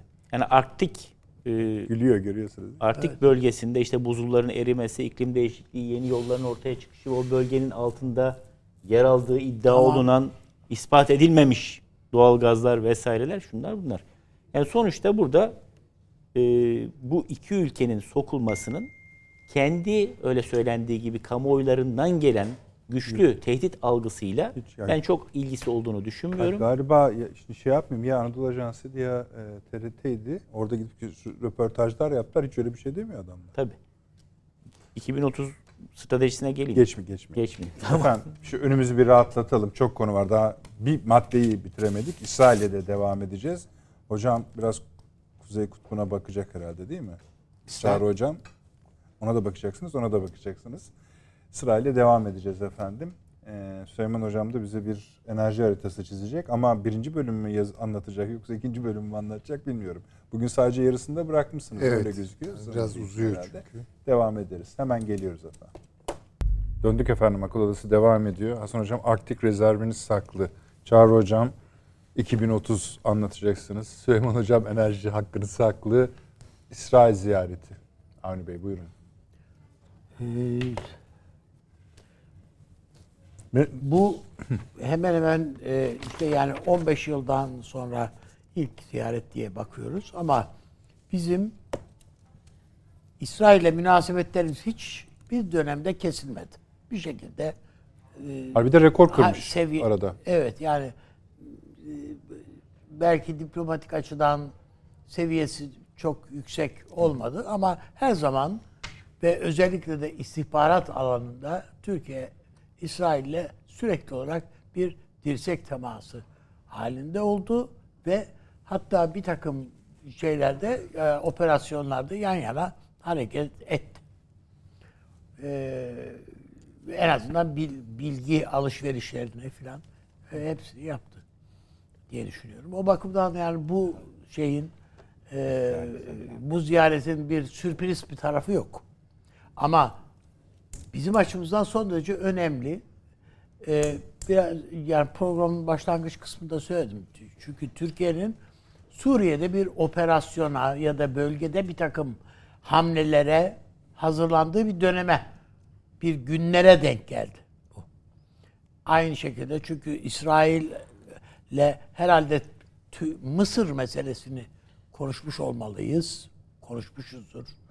Yani e, herhalde Dışişleri Bakanımız bunu konuşmuştur yani. Herhalde Türkiye'nin bir hafta içinde gerçekleştireceği bir operasyonu eğer üzerinde konuşulmadıysa bu İsrail'le istihbarat alışverişimizin hiç olmadığı manasına Bir hafta gelir. yine neden bir hafta çık? Nereden çıkardınız? bir Yani haftayı? şu Ha, ha. önümüzdeki günlerde Evet, peki, tamam. eğer yani kardeşim bu kadar istihbarat dirsek temasımız var, şunumuz var, bunun var. Yani üç gün sonra Suriye'de bir büyük operasyon askeri harekat gerçekleştireceksen bunu bir yani İsrail'in öğrenmemesi mümkün mü? Senin askeri birliklerini nasıl kaydırdığını, ne yaptığını, ne ettiğini bunu bilmemesi mümkün Orada bir mü? ikaz yapalım. Şimdi bazı medya, sosyal medya kullanıcıları kendilerini böyle bir herhalde takipçi sayısı artırmak adına mı ne yapıyorlar? Bunları paylaşıyorlar. Fotoğraf çekip işte şimdi Azzez'e bir birlik geldi. Evet, Şu evet, kadar evet, tank evet. saydım. Şu kadar bilmem ne saydım falan. Sosyal medya Twitter üzerinden falan. Bu Bunları aslında yap- suç. Yani suçun Hayır. ötesinde sen Askeri hareket. te- Yani tehlikeye vatana- düşürüyorsun yani vatanı şey, yani. yani Ya. vatan- casusluk. Ama işte bu durumun ne hale geldiğini de gösteriyor. Yani artık eskisi gibi böyle bunu, casusluğu bunu bir de şey biçimi değişmiş. yani vatanseverlik diye Ha, yapıyorlar. yapan da var. Yani o taraf o taraf var. Ama şöyle ya da böyle İsrail bunu zaten öğreniyordur. Yani Tamam. o, o bakımdan şeyi yok. Yani çok o, o bakımdan üzerinde bunun da konuşulmuş olması icap eder. Ve bir nasıl bir Orta Doğu? Bugün e, bu görüşmeler sırasında İsrail Dışişleri Bakanı diyor ki biz Türkiye'yi çok severiz. İsrailler Türkiye'yi zaten çok sever. Her zaman işte esas kitaptan yanayız diyor. Yani hepimiz. Evet. Değil mi yani? Adam Tevrat'a atıf yaparak şey yapıyor. Yani biz oradan şey yaptık. Yani biz Türkiye'den yola çıkıp geldik falan diye. Yavaş yavaş İbrahim Anlaşması. İbrahim Anlaşması'na Tabii, tabii. doğru Çok evet, şaka- itekleyerek. Çok latifeler var üzerinde durulabilecek esas. Yani Hatta diyor ki konsolosluk personelinizi şimdi paniğe ka- kaptırmak istemem ama diyor. Orada diyor e, 55 bin kişi e, vardı diyor e, şey sırasında Anadolu'da 55 bin aile vardı diyor. Anadolu'da Yahudi ailesi vardı diyor. Biz diyor normalde diyor Türk pasaportu alabiliriz. evet. Buyurunuz. Şimdi e, bir tarafıyla böyle, e, öbür yanı cephesiyle bakarsanız e, önümüzdeki hafta falan herhalde veyahut da bir 10 gün içinde e, Suudi Arabistan veliahtı Türkiye. Türkiye'ye gelecek. E, yani Suudi Arabistan deyip belki böyle hani Prens Salman diyerek biz böyle bir küçümseme şeyleri var ama e, Suudi Arabistan'ı buradan alıp buraya koydu adam. Yani çok koy veya öyle bir şey var, yaklaşımı var. O İslam dünyasındaki ne kadar radikal işte Müslüman kardeşler şu bu da dahil olmak üzere ne varsa tamamını silkeleyip dışarıya çıkaran bir Suudi Arabistan görme diye doğru gidiyoruz. Yani böyle bir tablo var. Bu tablo Suudi Arabistan cephesinde daha da değişecek. Bu, bu, e, hiç şüphem yok yani bundan yana. İlk defa e, kız erkek öğrencilerin yan yana oturduğu işte bir kafe mafe cinsi şeyler e, üniversitelerde falan açılmış. Şu bu filan yani böyle değişik bir şey yani. Bu Prens Salman. E, bu öyle diğer veliahtlara, bölgedeki diğer veliahtlara falan pek benzemiyor. O bakımdan. Bunların üzerinde de konuşulmuş olması muhtemelen vardır. Ha, bunlar İsrail'le ne alaka konuşulmuş olmalı? Yok, alakası var da Hayır, acaba Türk önemli. Çünkü bütün bunlarda işte o telkinlerin önemli rolü var. Ya Trump dönemindeki o şeylerin, o e, küre olaylarının e, arka planında, onun kültür boyutunda neler varsa bunların hepsinin önemi var. Ben e, Amerika ile İsrail ilişkilerinin e, bu anlamda Türkiye açısından yeniden değerlendirilmesi gerektiğini düşünüyorum. Türkiye Amerika'daki İsrail lobisiyle e, İsrail lobisiyle daha böyle bir şey sıcak e, Amerika ile pek sıcak ilişkileri yok ama işte lobiyle gayet sıcak ilişkileri var. Bence iyi gidiyoruz şu anda. Hem e, İsrail ile ilişkiler bakımından hem Amerika'da şeyle de görüştü çünkü Amerika'ya New York'a gittiğinde e, orada e, Çavuşoğlu orada İsrail lobisiyle de görüştü falan. Bu bakımdan e, ben bölgede e, önümüzde zaten bir enerji koridor meselesi var. Bu İsrail şeyinde e, kıta sahanlığında veyahut da onun yetki alanında ortaya çıkarılacak olan doğalgaz Türkiye üzerinden veya Türkiye ile işbirliği halinde Avrupa'ya taşınır mı taşınmaz mı? Ha, bunu Amerika bunu istemiyor, işte dede ağacı istiyor diye bir düşüncemiz var. Öyle mi hakikaten? İsrail buna Türkiye ile mi bu konuda yan yana hareket eder? Yoksa Amerika ile mi yan yana hareket eder? Peki. Onu bilemiyoruz ama olabilir ki Türkiye ile birlikte hareket edebilir. En azından ekonomik şartlar hangisini daha avantajlı kılarsa. Ama bütün bu oyunlara baktığımızda, bölgemizdeki bütün bu oyunlara baktığımızda, burada kaybeden birisi var. Evet yani şey Suriye'yi falan saymıyorum da, yani o ama onun dışında Yunanistan sürekli Türkiye aleyhine oynayarak kaybediyor. Ve bu e, yani alkışlar arasında kaybediyor üstelik yani daha trajik olanı. Yani Yani kendilerine sorarsanız zaten Amerika ceplerinde olduğu için yani öyle diye düşünüyorlar. işte alkışlar arasında dediğiniz o sanırım. evet işte öyle. Alkışlar Peki. arasında kaybediyor. Güzel. Evet. Peki. Süleyman Hocam, şimdi Sayın Dışişleri Bakanı, e, İsrail Dışişleri Bakanı da Türkiye'ye davet etti. Ee, İsrail Dışişleri Bakanı da dedi ki, yani döner verecekseniz dedi, döner kebap geleceğim ben dedi. Yoğursuz ama. Diye Evet. söyledi mi? İskender kebap yok. İskender Onu yemez. ben takip edemedim. İskender yok. Kendileri olmaz. Yen- Yenmez. Peki. İma, inancına aykırı yani. Yoğursuz ha. Şimdi bunlar yani daha karşılıklı çok hoş sohbetler var. Güzel ağırladılar. Şimdi bir şey demiyoruz ona. Fakat e, tablo bu bu kadar yani ne oluyor? İsrail, Türkiye vesaire bu enerjiyi yine konuşun tamam anladık. Ama bakın enerji bakanımız sayın gitmedi galiba. Hayır yok. Gitmedi. Ama alt metinlere baktığınızda Türkiye'nin bu İsrail, enerji Türkiye, meselesi yani baş, İsrail Başbakanı Türkiye'ye geldiğinde o görüşmeler. öyle, öyle- yani bir- Olabilir. olabilir ama mesela Öyle Türkiye'nin zaten. bilhassa buna e, önem verdiğini anlıyoruz bu konuya. Şeylerden ağırlamak da mümkün. Bu ziyarete katılan e, gazetecilerin yazdıklarından, çizdiklerinden de anlamak mümkün. Ona da değinebilirsiniz ama ilk önce şunu bir netleyelim. Türkiye-İsrail ilişkilerinin geri dönmesi bölge açısından ne demek? Ama şimdi ne demek? Evet. Bir kere Türkiye ile İsrail arasındaki siyasal problemler çözülmüş değil, çözüleceği de yok. Yani bunu cepte kabul etmemiz lazım. Bunu da zaten vurguluyorlar. Filistin meselesi, Gazze vesaire. Ee, bu konuda hani sorunu kabul edip dondurma gibi bir diplomatik incelik vardır. Türkiye ile Mısır arasında iki Müslüman ülke olmasına rağmen ipler tamamen koptu.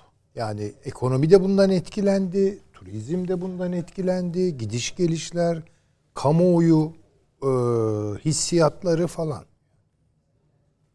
Yani sözde Müslümanız yani ikimiz değil mi? Daha rahat anlaşmamız yani. Her şeye rağmen yani sorun bile olsa soruna rağmen değil mi? Bir şey yapabilirsiniz gene de işbirliği falan.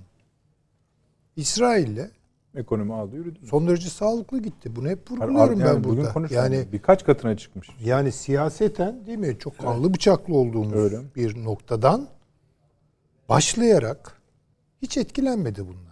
Yani ekonomik ilişkiler yürüdü, alışverişler, biraz turizm sıkıntı yaşadı. Şimdi e, hava yolları şeyleri başlıyor. Evet eskiden çok Anlaş- şey gelirdi. İsrailli turist gelirdi Antalya'ya falan. Onlarda azalma oldu ama bir çırpıda dediğiniz gibi halledilebilecek bir şey bu. O kadar da önemli. Ya şu olgunluğu gösteriyoruz. Yani hiç anlaşamayacağımız hatta meseleler var ama buna rağmen bazı şeyleri normalleştirebiliriz. Yani pek az şey etkilendi aslında. Ama o etkilenen alanları da rahatlatmak mümkün. Bir kere birinci adımı işin bu. Bence bu bir erdemdir. Yani diplomatik centilmenliğin de icabatından Tam da buraya gerekir. uygun olarak İsrail Elbette. tarafı dedi yani ki şöyle mesela, anlaşılmasın. Ya biz bu İsrail'le işte kanlı bıçaklıydık. Şimdi e, bütün reddettiğimiz şeyleri geri mi alıyoruz? İsrail'le Filistin davasını mı satıyoruz? Yok. Başından beri bunun böyle olmadığını en üst düzeyden yani. Sizin birinci cümleniz o zaten. E, tabii onların ya. düzeltecek. Ama mesela İsrail tarafı da bugün dedi ki resmi açıklamasında hiçbir hiçbir sorun ortada yoktur diyemeyiz. Diyemeyiz Öyle bir ya. şeyi Tabii söyleyemiyoruz dedi. Ha. Ama her iki ülke dedi çok büyük devletlerdir. Bunu Tamam. aşma yolunda adım atarlar dedi ve atıyor, atılıyor dedi. atılıyor. Tabii bu normalleşmeyle ilgili boyutu. Nereye kadar çıta çekilebilecekse oraya kadar. Ama ikinci bir boyutu var. Şimdi yani o da işte daha ileri bir adım. Şimdi iki ülkenin birbirine bir şey ihraç etmesi, bir şey ithal etmesi meselesi değil bu. Bu çok küresel bir etki doğuracak olan İsrail'in de çok önemli bir kısmına sahip olduğu işte Leviathan bölgesi doğal ve e, doğal gaz ve daha az olmakla birlikte bir miktar petrolün Avrupa'ya nasıl ulaştırılacağı meselesi. Şimdi o konuda aman acele etmeyelim. Yani herkes diyor ki tamam artık mecbur İsrail evet belki mecbur isteyeceği bir noktada olacaktır. Ama şu an öyle değil. Şu an Evet bence de öyle. Evet. İki e, farklı renge taşını yatırıyor, koyuyor. Birincisi mavi kareye, ikincisi kırmızı kare. Mavi kare Yunanistan, kırmızı kare Türkiye. Ve renk belli etmiyor. Yani demiyor ki yani ben şeyden vazgeçtim. Ya Yunanistan'da falan yapmayacağım bu işi. Efendim O işi Türkiye ile yapacağım diyor mu demiyor. Hatta hatta çok sıkıştırılırsa İsrailli yetkililer henüz böyle bir karar aşamasında değiliz diyorlar. Yani Amerika'ya karşı son derece gücenikler yani. Ve kızgınlar. İsmet yüzünden mi? Hani arkasından Yani çekil. İsmet tabii Peki. belki e, yani Feasible değildi diyor. Zaten feasible değil. Baştan beri çok ciddiye benim de almadığım bir şeydi. Onu da söylüyorduk burada. Ee, ama e, Amerika Birleşik Devletleri'ne dönük olarak bu iki kareyi de tutuyor. Yani onu, onu ben öyle yorumluyorum. Çünkü Amerika bodoslama gövdesiyle bu işin içinde. Yani gövdesiyle Yunanistan'ın arkasında. İsrail de diyor ki şu İran meselesine bir bakalım bakalım. Yani nedir yani? Sen beni daha iktidara geldin ilk günden itibaren itip kalkmaya başladın değil mi? Yani Trump dönemlerinde biz ne güzel alışmıştık Amerikan, İsrail değil mi? İşte Abraham anlaşmaları, Kudüs başkent, şu bu filan. Ee, bu demek ki Türkiye ile İsrail'in ihtiyarında değil doğrudan doğruya. İsrail-Amerika ilişkilerinin nasıl seyredeceğine bağlı. Onun için ben burayı mülazat hanesi açık tutuyorum. Eski tabirle. Yani soru işareti hanesi açık tutuyorum. Bekliyor muyum bir şey? Göreceğiz. Göreceğiz. Onu bilmiyorum.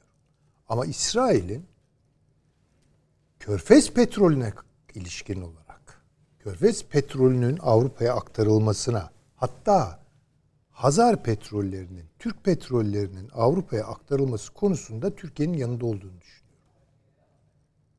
Nereden çıkarıyorum bunu? Azerbaycan Azerbaycan Ermenistan savaşında açık apaçık olarak Azerbaycan'ı desteklediler. Ve oradalar. Yani Azerbaycan İsrail ilişkileri son derece iyi seyrediyor. Hep ona dikkat çektik yani. Dikkat edelim buraya. Yani bundan bir fırsat da doğabilir, bela da doğabilir. Yani ama İran üzerinde böyle. evet yani orada Bugün devrim Hazar muhafız- Buyurun. petrollerinin yanında. Şimdi bu Hazar petrolleri ne demek aslında ona bir bakalım. Bu sadece Azerbaycan değil ve dikkat edelim Avrupa'da e, Aliyev'in nasıl karşılandığını hatırlayalım. Bir kırmızı halı sermedikleri kaldı değil mi yani Amerika? Özellikle Fransa'da. Tabii. Fransa'dan ziyade Hayır, bence esas İngiltere tabii oranın şeyi de. Tabii, tabii. Ama Fransa orada bir şey tutmak istiyor. ha, istiyor ama yanlış bir yere ha evet tutuyor. tabii o ayrı. Ee, ya şaşırtıcı ama onda da çok böyle eskisi gibi kararlı değil. Ermenistan'a destek verirken bir böyle yutkunuyor falan. Onu da görelim.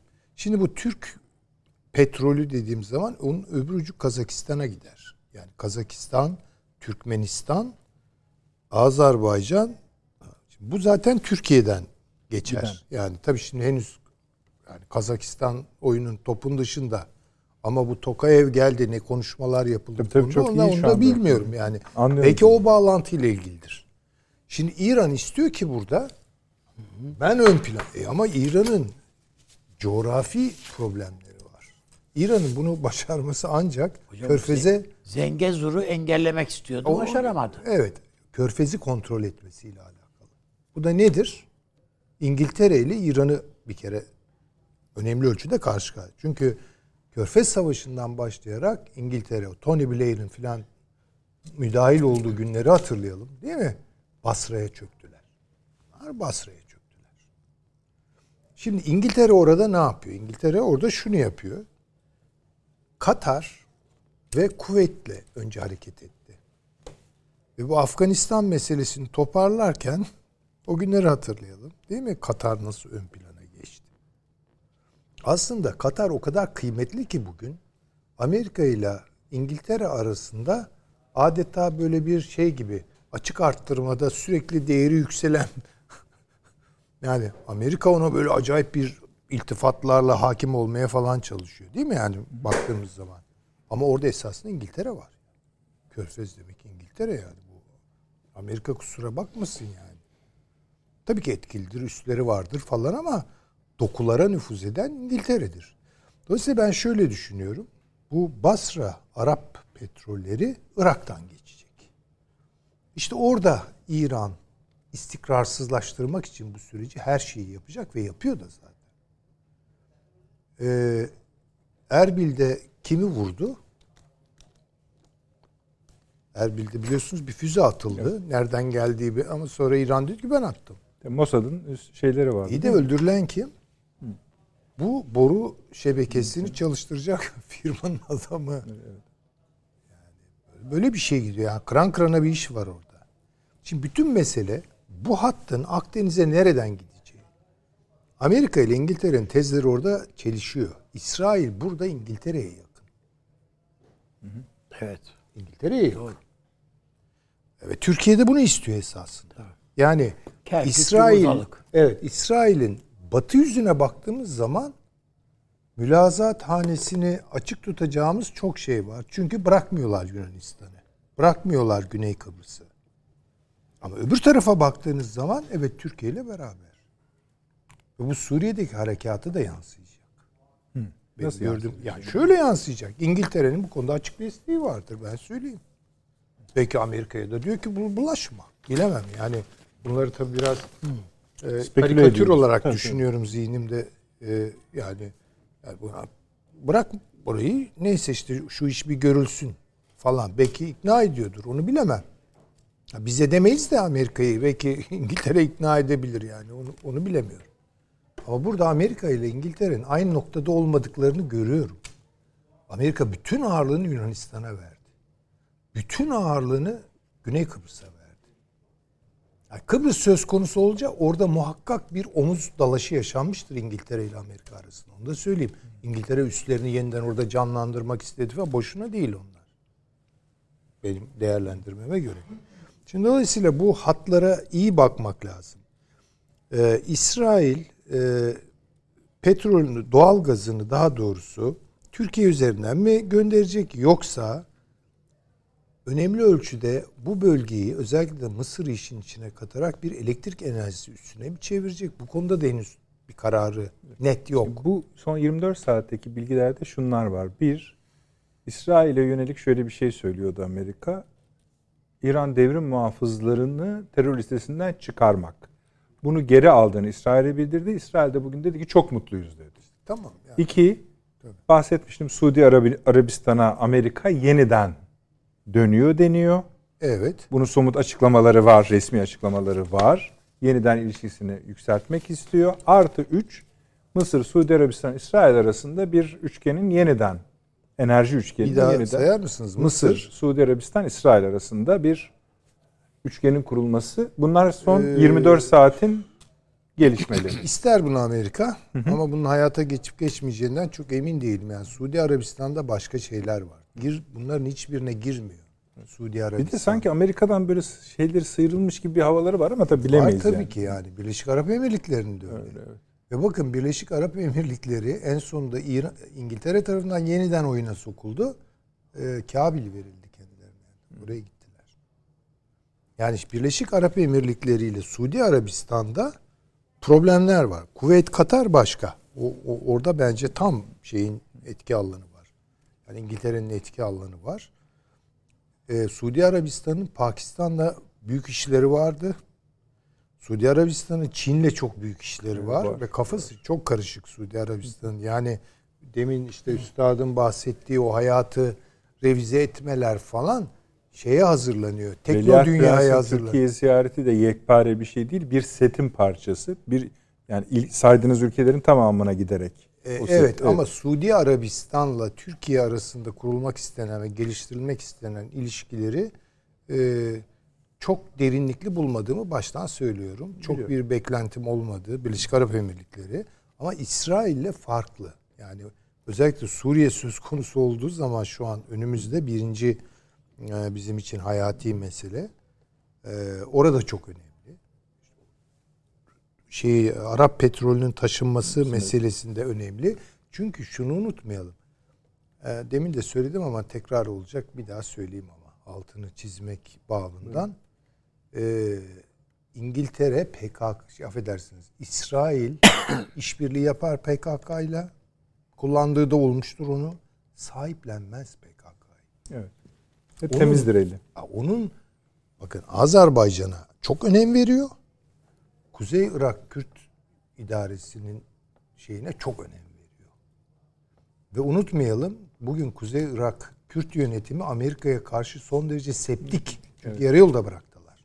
Tabii tabii tabii tabii. Ee, Yani adamları kışkırttılar. Kışkırttılar. Referandum diye. Tabii, tabii. Ondan sonra da E, ortada bıraktılar. Evet. Şimdi onun için hani ben şey gibi görüyorum. İsrail, e, Kuzey Irak, Irak Kürt yönetimi ki Türkiye de orada çok etkin ve Azerbaycan. Bakın şehit e, ne diyorlar o oyuna noktaları birleştiriyorsunuz ya bir şekil çıkıyor. Anladım anladım. Şimdi İsmi aklıma varmış. gelmedi. Neyse yani.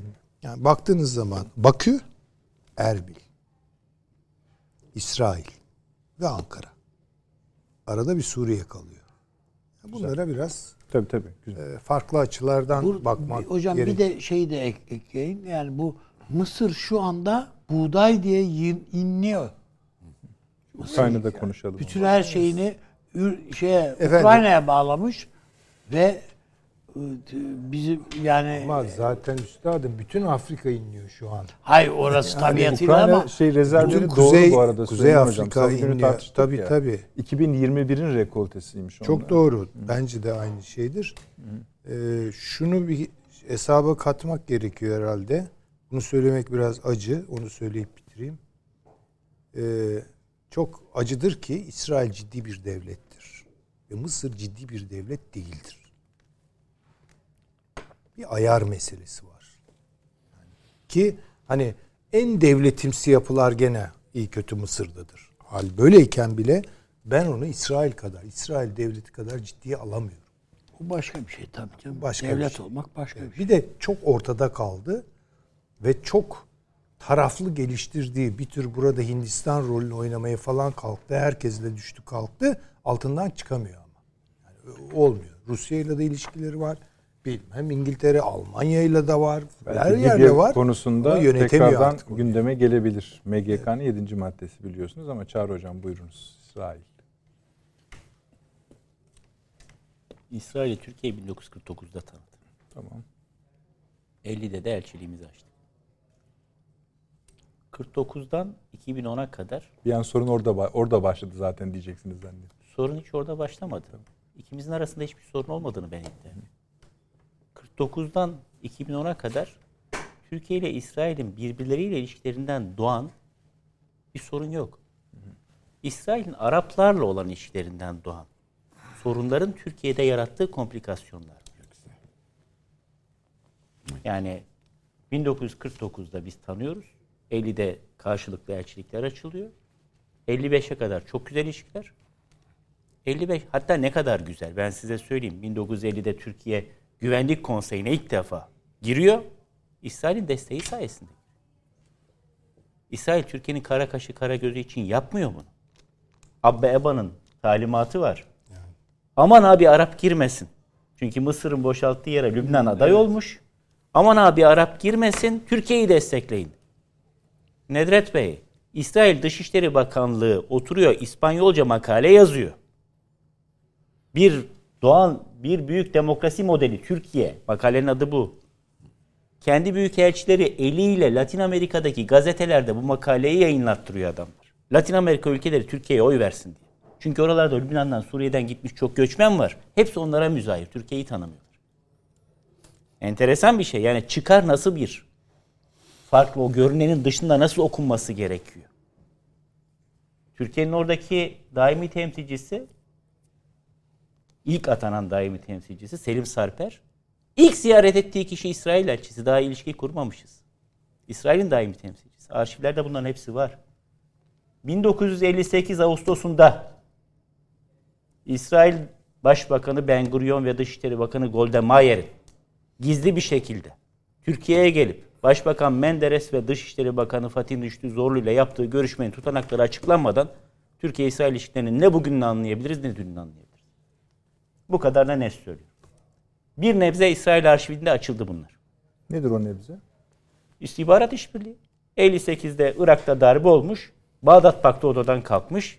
Abdülkerim Kasım'ı, ikinci Faysal'ı, Kral Naibi Abdülilah'ı hepsi hepsini Türkiye'de yakalandı. paramparça etmişler.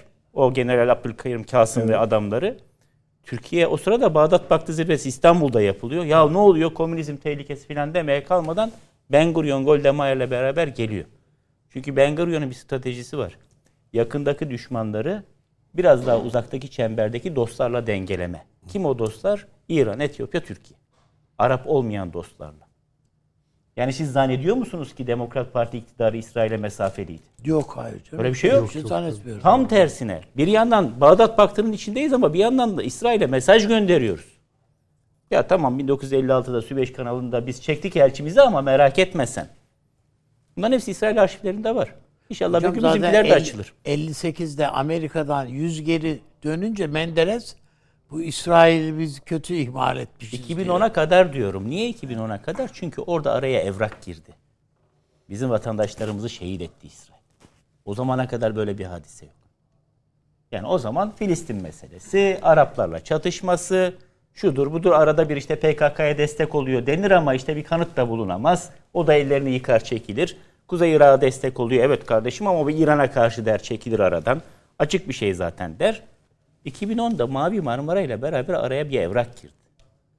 Ha sonra işte özür diledi, tazminat ödedi, şu oldu bu oldu o da kapandı. Doğrudan Türkiye-İsrail ilişkilerinde ya bana bir tane soru söyleyin ya. Yani Filistin meselesini çıkartın bir kenara. Artık Arapları da çıkartın. Çünkü İsrail onlarla da iş şu, tutuyor. şu söylenebilir Çağrı Hocam. Yani şeyi söylediniz yani doğrudan zaten. ilişkilerde bir sorun mesela bir deyin ki mesela ya Şu geliyor aklıma. yani mesela işte dev gelecek gidip İsrail başkonsolosunu öldürmesi. E tamam terör örgütü gitti öldürdü. 71'de herhalde değil mi? Evet. Kaçırdılar. Elron. Elron'u öldürdüler. Evet.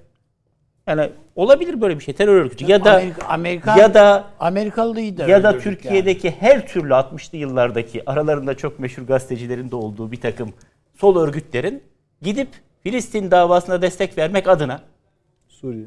Suriye'de Beka Vadisi'nde eğitim almaları, İsrail'e karşı çatışırken yakalanmaları, hapse atılmaları falan filan bunlar Türk vatandaşları doğru yani.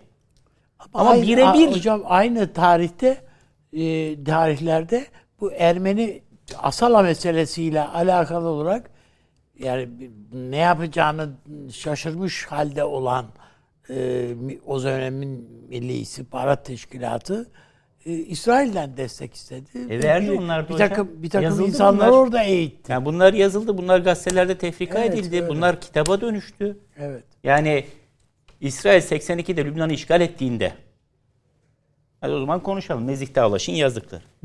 Evet. Diyorlar ki ya biz buraya girdik kardeşim biz buraya girdik ama ya burada Asala'nın da kampı var. Hepsi Ekipler var gitmedi canım. mi oralara? Tabii. Yani yazıldı bunlar yazıldığı için söylüyorum. Gidildi ve orada gerekli operasyonlarda bizim diplomatlarımızı şehit edenlere karşı gerekli şeyler de yapıldı zamanında. Dolayısıyla girift ilişkilerdir bunlar. İstihbarat ilişkisi çok güçlüdür. Ortak tehdit algısı çok kuvvetlidir. Hiç aklınıza gelir mi? 1949'da Türkiye İsrail'i tanımaya karar verdiğinde bunun sahiplerinden birinin Hatay meselesi oldu. Yani rapor veriliyor. Deniyor ki efendim tanıyalım İsrail. Neden? Bir, zaten diyor Araplar sattı Filistinlileri. Yani Ürdün İsrail'le anlaşma yaptı. Diyorsunuz Ürdün kralını o yüzden Filistinliler öldürdü. Aksa'nın merdivenlerinde. Zaten Araplar anlaştılar. Bizim artık Arap davasını falan savunmaya bir ihtiyacımız yok. İki, Amerika ile bir iş tutacaksak, para gelecekse, İsrail lobisi orada çok etkili. O yüzden üç, ya Hatay'da biz tehdidi Suriye'den algılıyoruz zaten. Araplardan al. Bütün Arap dünyası da Suriye'ye destek veriyor. Hatay'ı geri almak istiyor. E biz niye İsrail'le aramızı kötü tutalım diye raporlar veriliyor. Gazetelerde tefrikalar çıkıyor. Ve birdenbire hava değişiyor. Türkiye tanıyor İsrail'i ve ondan sonra da bizim ikili ilişkilerimizde 2010'a kadar benim bildiğim majör bir hikaye yok. Hep Filistin meselesindendir. Onu konuşalım. Yani Şöyle Filistin konuşalım. meselesi ne zaman Türk Öyle dış hocam, politikasının öyle. önceliklerinden biri haline geldi? Ne zaman Araplarla ilişkiler önceliklerinden biri haline geldi? O zaman bizim İsrail ile ilişkilerimiz indi çıktı. O da kimse kusura bakmasın onların kara kaşı kara gözü için değil Kıbrıs meselesinden dolayı. Ne zaman ki Kıbrıs hadisesi çıktı ortaya ve Araplar blok halinde Kıbrıs durumların yanında durdular. Neden? Makaryos çünkü Bağlantısızlar Hareketi'nin ruhani liderlerinden biri. Cemal Abdülnasır siyasi liderlerinden biri. Mesele geldi Birleşmiş Milletler'e. Hepsi Türkiye'nin karşısında. Bir Kaddafi- tane Müslüman kardeşimiz bizim yanımızda durmadı. Kıbrıs Kaddafi, Harekatı'nda. Kaddafi O e, 74. Ha, yetmiş- ha, o ben ayrı. daha önce- yani 67'de darbeyle Pardon, geliyor ben Kaddafi. ters. Ben 50'li yılların ortasından Ha, tamam, bahsediyorum. özür Yani ben. Bandung Konferansı olmuş, Bağlantısızlar Hareketi olmuş. Ne Cemal Abdülnasır rüzgarı esiyor Arap dünyasında. Türkiye 50'lerin ortalarından itibaren bu meselede daha farklı bir pozisyon almaya başladı. Arapların oyunu alabilmek için Filistin meselesi ve İsrail-Arap ilişkileri Türk dış politikası için önemli hale geldi. Biz 56 Süveyş krizinde elçimizi geri çektik. 67 savaşında Suriye'ye, Mısır'a yardım gönderdik. Kızılay'ı gönderdik. 73 savaşında Amerika istemesine rağmen İncirlik üssünü kullandırtmadık. Hep Arapların yanında durduk. 78'de Ankara'da Filistin Kurtuluş Örgütü'ne büro açtırdık. 82'de İsrail Lübnan'ı işgal ettiğinde, 81'de ilhak ettiğinde Kudüs'ü kınadık. Elçimizi geri çektik. Hep Arapların yanında durduk, durduk, durduk. Hiç ikili meseleler değil bunlar. Bakın onu söylüyorum. Türkiye Kıbrıs meselesinde Arapların desteğini alabilmek için Filistin meselesini ve Arap-İsrail meselesini Türkiye'nin İsrail politikasının bir türevi haline getirdi. 91'de bunlar Madrid barış görüşmelerini 90'da başlatınca biz rahatladık da. Tamam bunlar barışıyor dedik. Hemen iki ülkede birden büyükelçilik açtık. 93'te Oslo'dan sonra daha da ilişkilerimiz arttı. O zaman da Suriye meselesi vardı. İki buçuk savaş stratejisi vardı Türkiye'de. Bunları unutmayalım. Yani Yunanistan ve Suriye ile aynı anda savaşır mıyız? Araya da PKK girer mi? Evet. Böyle bir strateji Evet. vardı. E peki Suriye'ye karşı biz kimi yanımıza alabiliriz? İran'ı değil herhalde. Yine İsrail çıktı ortaya. Pek çok başka sebeplerden 90'lı Avrupa Birliği sürecinde İsrail lobisinden talep edilen destek, Amerika Birleşik Devletleri'nde Ermeni lobisine karşı İsrail lobisinden talep edilen destek ki bugün de vardır. Tekrar ilişkilerin e, hız kazanmasının, ivme kazanmasının sebeplerinden biri. Bütün bunları bir araya getirdiğimizde bugün geldiğimiz noktada yine biz masaya ne koyuyoruz? Filistin meselesini koyuyoruz. Filistinler bizim yanımızda mı? Ben bakın çok enteresan bir şey. Bir defa tabii bu ziyaret sadece İsrail ziyareti değil. Sayın Çavuşoğlu hem Filistin'i ziyaret etti. Önce. Ha, önce Filistin'i ziyaret etti sonra İsrail'i. Daha evvel de Sayın İbrahim Kalın ve Sadat Onal önce Filistin'i ziyaret ettiler sonra İsrail'i. Yani biz ikisini beraber ziyaret ediyoruz. Bu önemli. Evet. O dengeyi koruyoruz. İki devletli çözümden yana olduğumuzu Ama söylüyoruz. Filistin'e taleplerimizi de ilettik bu sefer. Vallahi her şeyi açık konuşmak lazım. Objektif olmak lazım. Duygusallıktan uzak gitmek lazım. Antalya Diplomasi Forumu'nda ben kendi kulaklarımla Filistinli hem de çok üst düzey bir temsilcinin Doğu Akdeniz konusunda Yunanistan'ın yanında duyduğunu, durduğunu duydum. Öyleydiler. Enerji forumunda niye yer alıyorsunuz kardeşim Yunanlılarla beraber dediğimizde bu bizim çıkarımız dedi. Ya biz sizin için İsrail'le, şununla bununla herkesle papaz oluyoruz. Sen geliyorsun burada hem de benim ev sahipliğini yaptığım bir toplantıda ben Yunanistan'la beraber olurum bu benim çıkar meselesi. Bunu karıştırma iki şeyi birbirine diyebildi adam yani. O yüzden bu bir uluslararası ilişkiler meselesidir. Günümüz konjonktürü Türkiye'nin İsrail'le olan ilişkilerinin yeniden canlandırılmasını gerektirmiştir. Ne konuşuldu bilmiyorum ama açıklananları biliyorum. Ticareti artıracağız dediler. Enerji konusunda işbirliği yapacağız dediler ve turizm konusunda işbirliği yapacağız dediler. E bunlar önemli. Zaten ticareti bir zaman hiçbir zaman azalmamıştı. Büyükelçiden şey çıkmadı. Siz belki Lapid'in ziyaretinden sonra buna karar vereceğiz Verecek. dendi. Ee, sanırım daha evvel böyle paylaşılan bir takım isimler var karşılıklı. Onlar bizimkine biz onlara falan rezerv koyduk galiba. Ama işte agreman alınması lazım biliyorsunuz. Evet. Evvela e, yani atanmadan atanmadan sonra alınıyor agreman ama agreman almayacak adamı atamak da olmuyor. Yani önceden isim konuşuluyor. Peki. Ben onun o çözülebileceğini düşünüyorum. Teşekkür ederim hocam. Ee, Hasan hocam geleceğim ama Süleyman hocam İsrail konusunda konuşurken birinci cümlenize Çağrı hocamın anlattıkları dan bakarak bir şey söylemek ister misiniz? Birinci cümle- cümleniz şuydu. Yani bir şey bir yere varacağını düşünmüyorum. Türk Şeyi- İsrail. Hı. Şu bu siyasi şimdi Filistinliler şöyle davranıyor böyle davranıyor. Peki bu bizim Filistin davasının takipçiliğini bırakmamız için bir karine teşkil eder mi? Bir sebep oluşturur mu? Ot oluşturmaz ayrı. Oluşturmaz. Ama hani Türk-İsrail ilişkilerinin bu zamandaki, bu zemindeki gelişmelerini izah etmeye başlarken hani genel olarak bir stratejik çıktının olacağını sanki düşünmüyor musunuz gibi geldi bana. Bakınız onun yerini söyledim. Öbür taraf. Hı, anladım.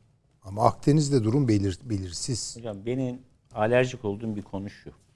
Biz bu kadar bu milletin ekonomik kaynaklarını kullanarak bunlara yardım ettiğimizde biri kalkıp bana ya İran'da geldi bizi kurtardı diyor ise ya İran seni nasıl kurtardı? Filistinli bunları söylüyor. İran seni nereden kurtardı? Kimden kurtardı ya? Ben Sivil sana to- bu kadar yardımı hareketleri bu kadar yardımı yapan Türkiye dışında bir ülke mi vardı? İran seni kaç defa yüzüstü bıraktı burada? Ya o zaman bu nasıl bir propaganda gücüdür İran'ınki? Gerçekten de böyle lafları hem de kendi ev sahipliğini yaptığımız toplantılarla sadece Antalya Diplomasi Forumu'nda değil pek çok yerde bunlar konuşuluyorsa burada bir acayiplik var. Demek ki biz fazla duygusal hareket ediyoruz. Bunlara Yani İran lafını stratejik ben de aklı veren yani. birileri demek ki Yeni bunları farklı yani. yönlendiriyor. Yani o da İngiltere siz çok iyi biliyorsunuz. Yani tabii. burada Ürdün'ünden Filistin'e pek çok ayarı veren ülke İngiltere. Hasan hocam. Bu konu ama herkes konuşuyor siz de konuşun. Bak Çağrı hocam diyor ki ben düşünüyorum 2010'a kadar Türkiye ile İsrail arasında bir şey Ee, aklıma gelmiyor diyor. Çağrı o konuda bilgili. Şey de var onun. O yüzden biliyorum. Ee, şu açıdan e, haklı buluyorum. Şimdi 95 yılında e, Milli Güvenlik Akademisi gruplarıyla bunlar bizi çağırdı. E, dediler ki bizim ilişkilerimiz Çağrı'nın dediği gibi metres ilişkileri gibi. Niye? İşte bu Kıbrıs ve Arap oyun nedeniyle bunu dışarı çıkarmıyoruz. Ama en altından çok yakın ilişkilerimiz var. Gelin. Zaten o sırada Ürdün'le bir anlaşma imzalıyorlardı. Clinton da oradaydı falan. Gittik. Ne istiyorsunuz? İşte işbirliği falan. Niye Araplarla anlaşamıyorsunuz? Dedi ki valla sizin gibi değil. Niye? Siz devletsiniz. Anlaşma imzalıyorsunuz. Geçerli. Bunlar anlaşma imzalıyor. Öbür aşiret geliyor. Öbür kabile geliyor. Ben onun dediğini bizim kabileden değil diyor. Yani Araplarda bir devlet nosyonu yok. Türkiye dedi devlet. O yüzden e, önem veriyoruz size. Falan. Daha belki tutumlarda vardı. Hatırlayın 500. yıl İspanya'dan göç etmiş, Osmanlılar kabul etmiş. Oradan da var. Bir, bir büyük bir e, Türk topluluğu var İsrail'de. Onlar da böyle Türkçe müzik dinliyorlar falan. Ne istiyorsunuz falan. Ya dedik bu işte PKK bilmem ne falan onlar da bize e, işte Hamas onu Hizbullah falan onları anlattılar. Şöyle dediler. Dediler ki bakın karşımızda üç tane büyük güç var. Bir tanesi Suriye, öbürü İran, öbürü Irak. Irak üçe bölündü ama eğer onu affedersek e, elindeki petrol parasıyla gene toparlanır. Bu üç güç İsrail için çok fazladır. O yüzden dediler ama barış görüşmeleri oluyor. O zaman Ehud Barak, sosyal demokrat vardı. Barış için toprak. Bu olay çözüldüğünde o kısım kapanacak. Siz de sınır kapandığı zaman PKK'yı bitirirsiniz. Ama maalesef bizzat İsrail'i şeyi vurdu. Cumhurbaşkanını vurdu. 96'da gene gitmiştik o vurulma sırasında. Başka türlü döndü. Bu meşhur Netanyahu geldi. Savaş meraklısı. Barış için güç. Fakat biz de şöyle söyledik o zamanlar. Dedik ki burada bir Arap boyutu var. Bu Arap boyutunun üstünde Balkanlardan Doğu Türkistan'a kadar Türk boyutu var. Biz size bu desteği veririz. Yani burada bir Kürt yapılanmasına ihtiyacınız yok. Bu kadar büyük bir Türk boyutu 100 milyonu aşan bir işte Irak içinde Türkler var, Suriye içinde Türkler var, Azerbaycan'ın yarısı Türk, şey pardon İran'ın yarısı Türk falan filan. Tamam. Ve 99'da İsrail istihbaratı Amerika ile Apo'yu Afrika'da bulup teslim eden o. Türkiye'nin o sırada dış hatları dinleme imkanı yoktu. Ama sonradan gene spekülatif burası. Batı'nın isteğiyle Türkiye belli bir rol oynadı. Yani Suriye'ye bir ay verene kadar çok dostaneydik. Hillary Clinton geldi. Ee, Amerikan İstihbarat Başkanı geldi. Bu şimdiki Amerikan Cumhurbaşkanı Joe Biden geldi falan. Biz, biz ayda papaz olduk. Yani Suriye konusunda Amerika'nın rolünde hani spekülatif bir şey yok bence. Evet onlar hatta daha ileri giderek şunların da ben gazetelere yansıdığını hatırlıyorum. Şu gün şu saatte Şam'a füze ateşlenecek Akdeniz'deki Amerikan e, savaş gemilerinden ne kadar varmıştı iş. Ve Filistin konusunda da çeşitli destekleri veriyorduk. Ki Filistin'in sol grupları, içindeki Hristiyan gruplar da vardı. Ermeni terörünü yapan gruplardı, destekleyen gruplardı. Onlar sayesinde zaten iki tane Amerikan karargahına, Rus karargahına girip şey Fransız karargahına bomba patlatanlar 83'te onlar. Ha, bu yapı içinde Türkiye belli bir George Habbaş falan onlar. Evet, George Abbas grupları. Belli bir rol Falan. oynadı. Ha olmadı.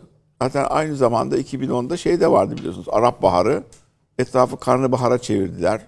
O da yayınladı eski Amerikan e, kuvvetleri komutanı, NATO komutanıydı. 7 ülkeyi destabilize edeceğiz. Evet, evet. Bunları yapın falan filan diye.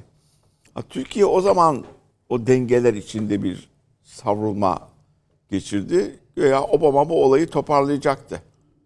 Fakat toparlayamıyor. Onun da içindeki Amerika içindeki sistemler nedeniyle. Ama şimdi tekrar 2010'lardaki yapıya Türkiye geri dönüyor. Bu çok önemli. Sebebi demin Çağrı Hoca'nın söylediği gibi bölgesel bir güç olan diğer devletlerde Fransa'da falan yani orta boy bölgesel güç hiçbir devlet tek başına uluslararası sorunlarını eğer süper güç değilse çözemez. Ne yapacak? İttifaklar sistemi kuracak. O boşlukta 2010 ile 18 arası 19 arası bunu Yunanistan faydalandı. Tuttu İsrail'le anlaşma yaptı, Mısır'la anlaşma yaptı, Lübnan'daki şeyleri belirledi, Avrupa ile yakınlaştı, Fransa ile tutuştu, şudur budur filan. Suudi Arabistan boyutuyla çünkü o sırada Türkiye başka bir roldeydi. Suudi Arabistan boyutunda değildi. Dengelerde liderlik boyutunda. Şimdi geri dönüyor. Bu dönü içinde hakikaten tam olarak bir düşmanlık yaşamadığımız İsrail'le bir yakınlaşma boyutu. Ama bu Amerika'nın içinde çözecek boyut. Çünkü Ermeni oyları konusunda tekrar her 24 Nisan'da geldiğinde Yahudi lobisi diyordu ki bir tek soykırım vardır. O da bize yapılan soykırımdır. O zaman milattan önce Habil Kabil'e kadar gidelim. Böyle şey olmaz. Geriye de yürümez falan. Onları da kaybettik. Biden birdenbire bilmem ne söyledi. Peki kıymetli ve Müslüman olan Filistinli kardeşlerimiz acaba biz Kıbrıs'a kama gibi girdik. Müslümanlık Kıbrıs'ın kuzeyinde yerleşti. Bu Müslümanları tanıyalım diye akıllarından geçirdiler mi? Bir dakika ya. Demin Çağrı Hoca da söyledi. Ya Pakistanlı kardeşlerimiz. Ya Araplar yakınlaştığımız. Ya Mısır karşısında Yunanlıyı mı görmek istiyor? Yoksa Türklerin orada daha başat olduğu bir ortam mı görmek istiyor? O yüzden hissi konular yerine realist bir dış politika boyutunun ortaya konması gerekiyor. Söyleyeceğim bu kadar. Çok çok teşekkür ediyorum. Ama şöyle bir şey. Ne oldu abi? Bir şey mi söyleyecektin? Yok hayır. He, tamam, Ben çok çok. Hayır. Gözlerim dişine bakınca dedim çok kızdı herhalde bir şey söylesin. Hayır yok canım ben münasebet. Ya yanlış anlaşılmasın. Yani Filistin konusundaki davası konusundaki hassasiyetine Türkiye'nin kimsenin itirazı Yok olamaz. şey yok ama Şöyle bir şey yok. Yani ama yüzleşilmesi Kudüs'ün- gereken Kudüs'ün şeyler de var. uluslararası hukuki boyutun ihlali, İsrail'in Siyonist genişlemeciliği, İsrail'in orada Filistinlere yaptığı zulüm. Bunların hepsi tabii ki Türkiye'nin hassasiyetini artırıyor. Ben yine de tabii masada söylenmedi. Şunu söylemek isterim doğrusu Türkiye-İsrail ilişkileri konusunda. Ee, yani birincisi e, İsrail'in son 30 yılda e, terör örgütüne verdiği destek ve bunun arkasındaki teorik akıl olduğuna ilişkin yerleşik kabullerin unutulmaması gerektiğini düşünürüm. İki, Türkiye-İsrail ilişkilerinde yine özellikle 80'lerin Hocam böyle bir sonundan şey varsa İsveç'le aynı kategoridedir. O zaman gitmeyelim biz İsrail'e de görüşmeyelim, diplomatik ilişkiler kurmayalım. Ben Yani varsa tür- devletin elinde böyle bir de kanıt, İsveç nasıl destek veriyorsa terör örgütüne o zaman İsrail'e Şunda destek da mesela veriyor diyor kanıt yok Çağrı. Hocam. Şunda da mesela kanıt yok. Ee, 80'li yılların sonundan 2000'li yılların hemen başına kadar olan dönemde İsrail'in Türkiye içindeki nüfuzunun ne kadar rahatsız edici olduğunun kabulleri. Bunların da konuşulması gerekiyor. Ayrıca konuşuldu da ama delil var mı ya da bunlara bakarak biz ilişkilerimizi yakalım mı bilemem. Ama bunlar da vakaydı. Bunları yaşayan insanları da tanıyoruz. İki türlü şey oldu bu iş. Yani bir şimdi demin Çağrı Hoca söyledi. Ben bu e, şeyin Golda Meir'le beraber geldiler. Bunların doktrinine göre yakın çevremdeki düşmanları uzaktaki dostlarımla dengeleyeceğim değil mi? Yani böyle bir şey diyor, çevresel pakt diyor. çevresel pakt diyor. Ee, kendi açısından bu olabilir. Ee, şu noktada daha anlamlı olur. Ben bu uzaktaki dostları yakındaki düşmanlarımla aramdaki problemleri halletmek için de bir e, partner olarak kullanabilirim. Ve bunun da bir örneği vardı biliyorsunuz Suriye'de. Suriye meselesi değil mi? Yani Türkiye'nin arabuluculuğuyla işte İsrail, Suriye görüşmeleri yani nezaret etmesiyle en azından yürüyordu. Ee, iki tarafta dengeleri kaçırdı ben söyleyeyim. Türkiye'nin de İsrail'den bekledikleri dönem dönem var. İşte o ara Arap sokağıyla denge tutturmaya çalışıyor. Bazen dengeler kaçıyor. Bu da ortada. Şöyle söyleyeyim daha net olarak. İki tarafta bu işi e, dengeli ve ölçülü bir şekilde götürmenin dışına çıktılar. Yani ben demiyorum ki şu başladı veya bu başladı. Madem biraz daha açık konuşuyoruz. Bence bununla reklama gidelim. Olur peki. Bir, bir şey söyleyeyim böyle gitseniz. Siz bilirsiniz. Sonra Süleyman Hocam devam Tek, eder tek ama. cümle. Bir saniye. Kenya'daki Yunan elçiliğinde Abdullah Öcalan Türkiye'ye paketlenip teslim edildiğinde Avrupa'da PKK'lılar hangi ülkelerin temsilciliklerine saldırdı? Türkiye'den başka. İsrail'in saldırdı. İsrail'in saldırdı. Neden acaba? Tabii canım Tamam. çok açık yani. İsrail Türkiye'ye teslim edilin dedi. Başımıza bela oluyor bu dedi. Evet. Bir öykü var. Süleyman Hocam ne diyor? Kaçırıldığı yerler var.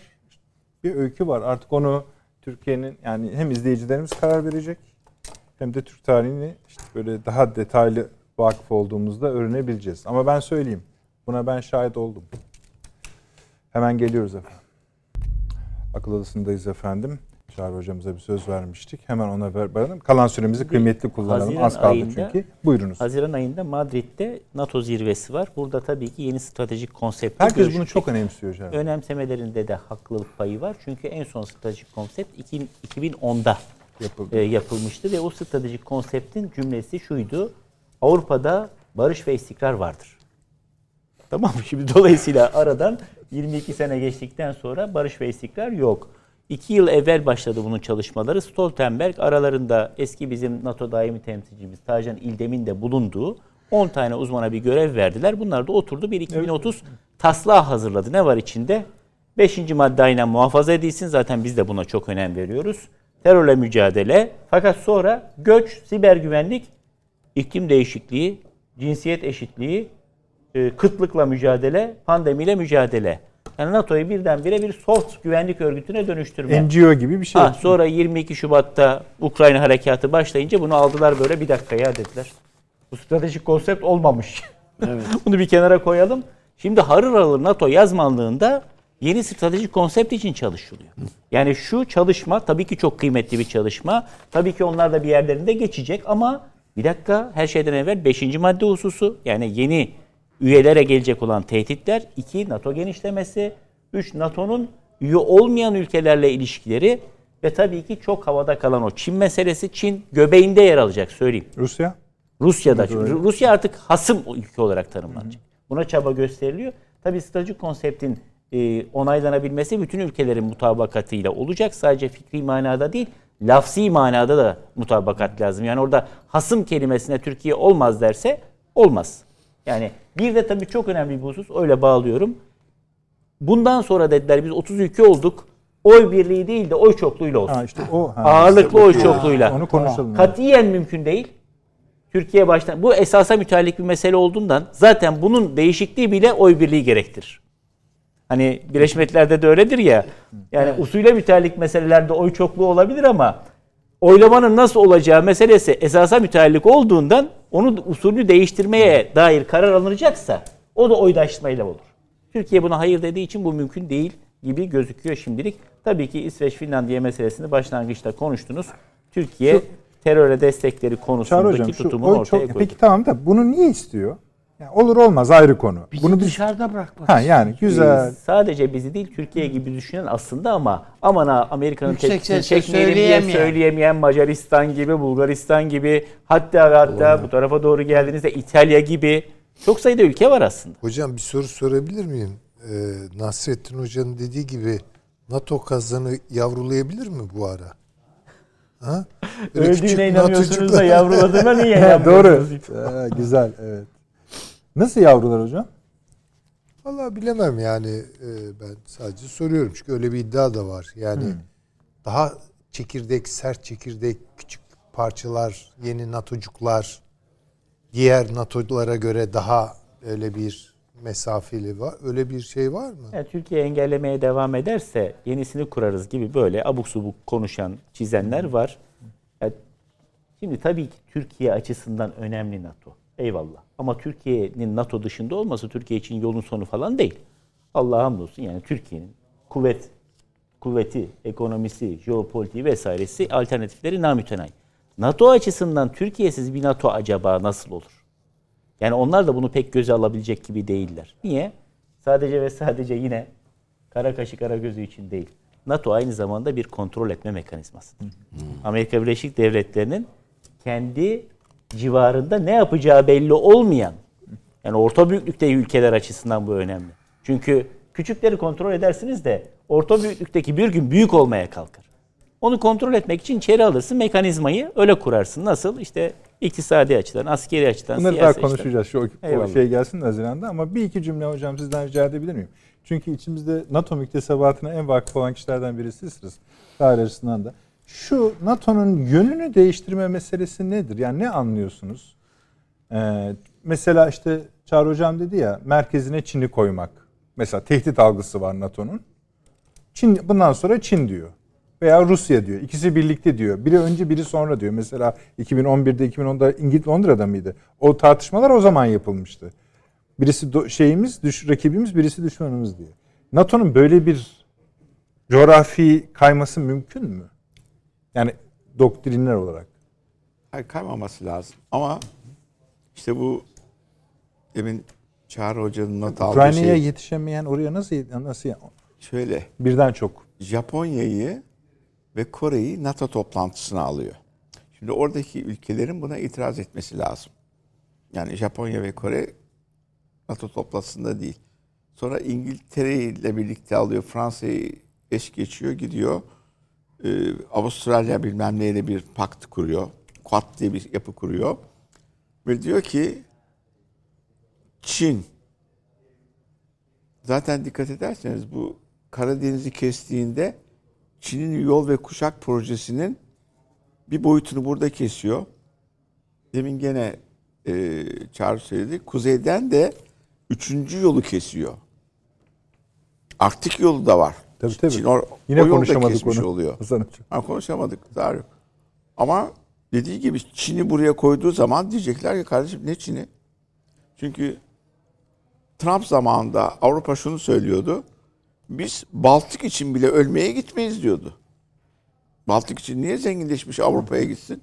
Ölmeye gitsin oraya. Ha, oradan tutacak te Asya Pasifik'te Amerika'nın çıkarları için asker gönderecekler. Belki Türkiye bunu yapabilir. Afganistan'a da meraklı oldu. Yani arayı bulabilmek için. Vallahi zannetmiyorum Türkiye'nin. Şimdi bunları buraya taşıyacaksa eğer böyle bir konsept gelişecekse bu 3. Dünya Savaşı'na götürür. Valla işte hocam İsveç örneği önü- önümüzde. Yine Amerika bir şekilde bunların hepsini peşinde kulağından tuttuğu gibi sürüklüyor. E zaten Bunun güçle NATO müşle de ilgisi yok. NATO Bu bence Amerika yani şartlı reflekse dönüşmüş gibi neredeyse. Hani o meşhur fil hikayesi vardır ya zincirle bağlamışlar 20 metrelik bir zincirle. 30 yıl hayvan orada kalmış. Çözünce zinciri olmamasına rağmen oradan ayrılmıyormuş. Hala 30 metrenin içinde yaşıyor. şimdi Çağrı Mülkiye'den şeyi bilir. Biz bu 5. maddeyi tartışırken Türkiye bir saldırı olursa gerekli gördüğü yardımı yapar. Acaba iki tane hemşire mi gönderir göndermez mi? Çünkü madde Bak- çok net. Askeri yardım yapar demiyor. Demiyor. Bir şey Ar- aralarında askeri yardım da olmak üzere gerekli gördüğü yardımı yapar. Mesela İzlanda'nın 700 kişilik ordusundan herhalde gönderecek değil. O da başka bir şey gönderecek. Mesela geçen hafta şöyle ki gelişme oldu. Amerikalılar ASEAN üyelerini davet ettiler Washington'a. Oradan bir açıklama ümit ediyorlardı. Çok kendileri aleyhine yani lehine olmayan çok berbat bir açıklama çıktı. Aynı gün Moskova bu güvenlik örgütü var ya şeyde onları çağırdı. Yani Avrasya tarafındaki bütün güvenlik örgütü üyelerini. O da Ukrayna konusunda destek bekliyordu bu örgüt üyelerinden, ülkelerinden.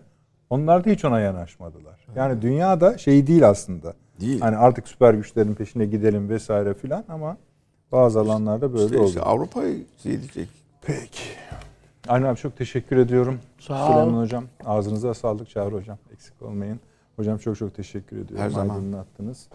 Efendim, zaman bu grubu seviyorum. süremizi çok geçtik. Hızla iyi geceler dileyelim sizlere. İyi geceler. Thank you.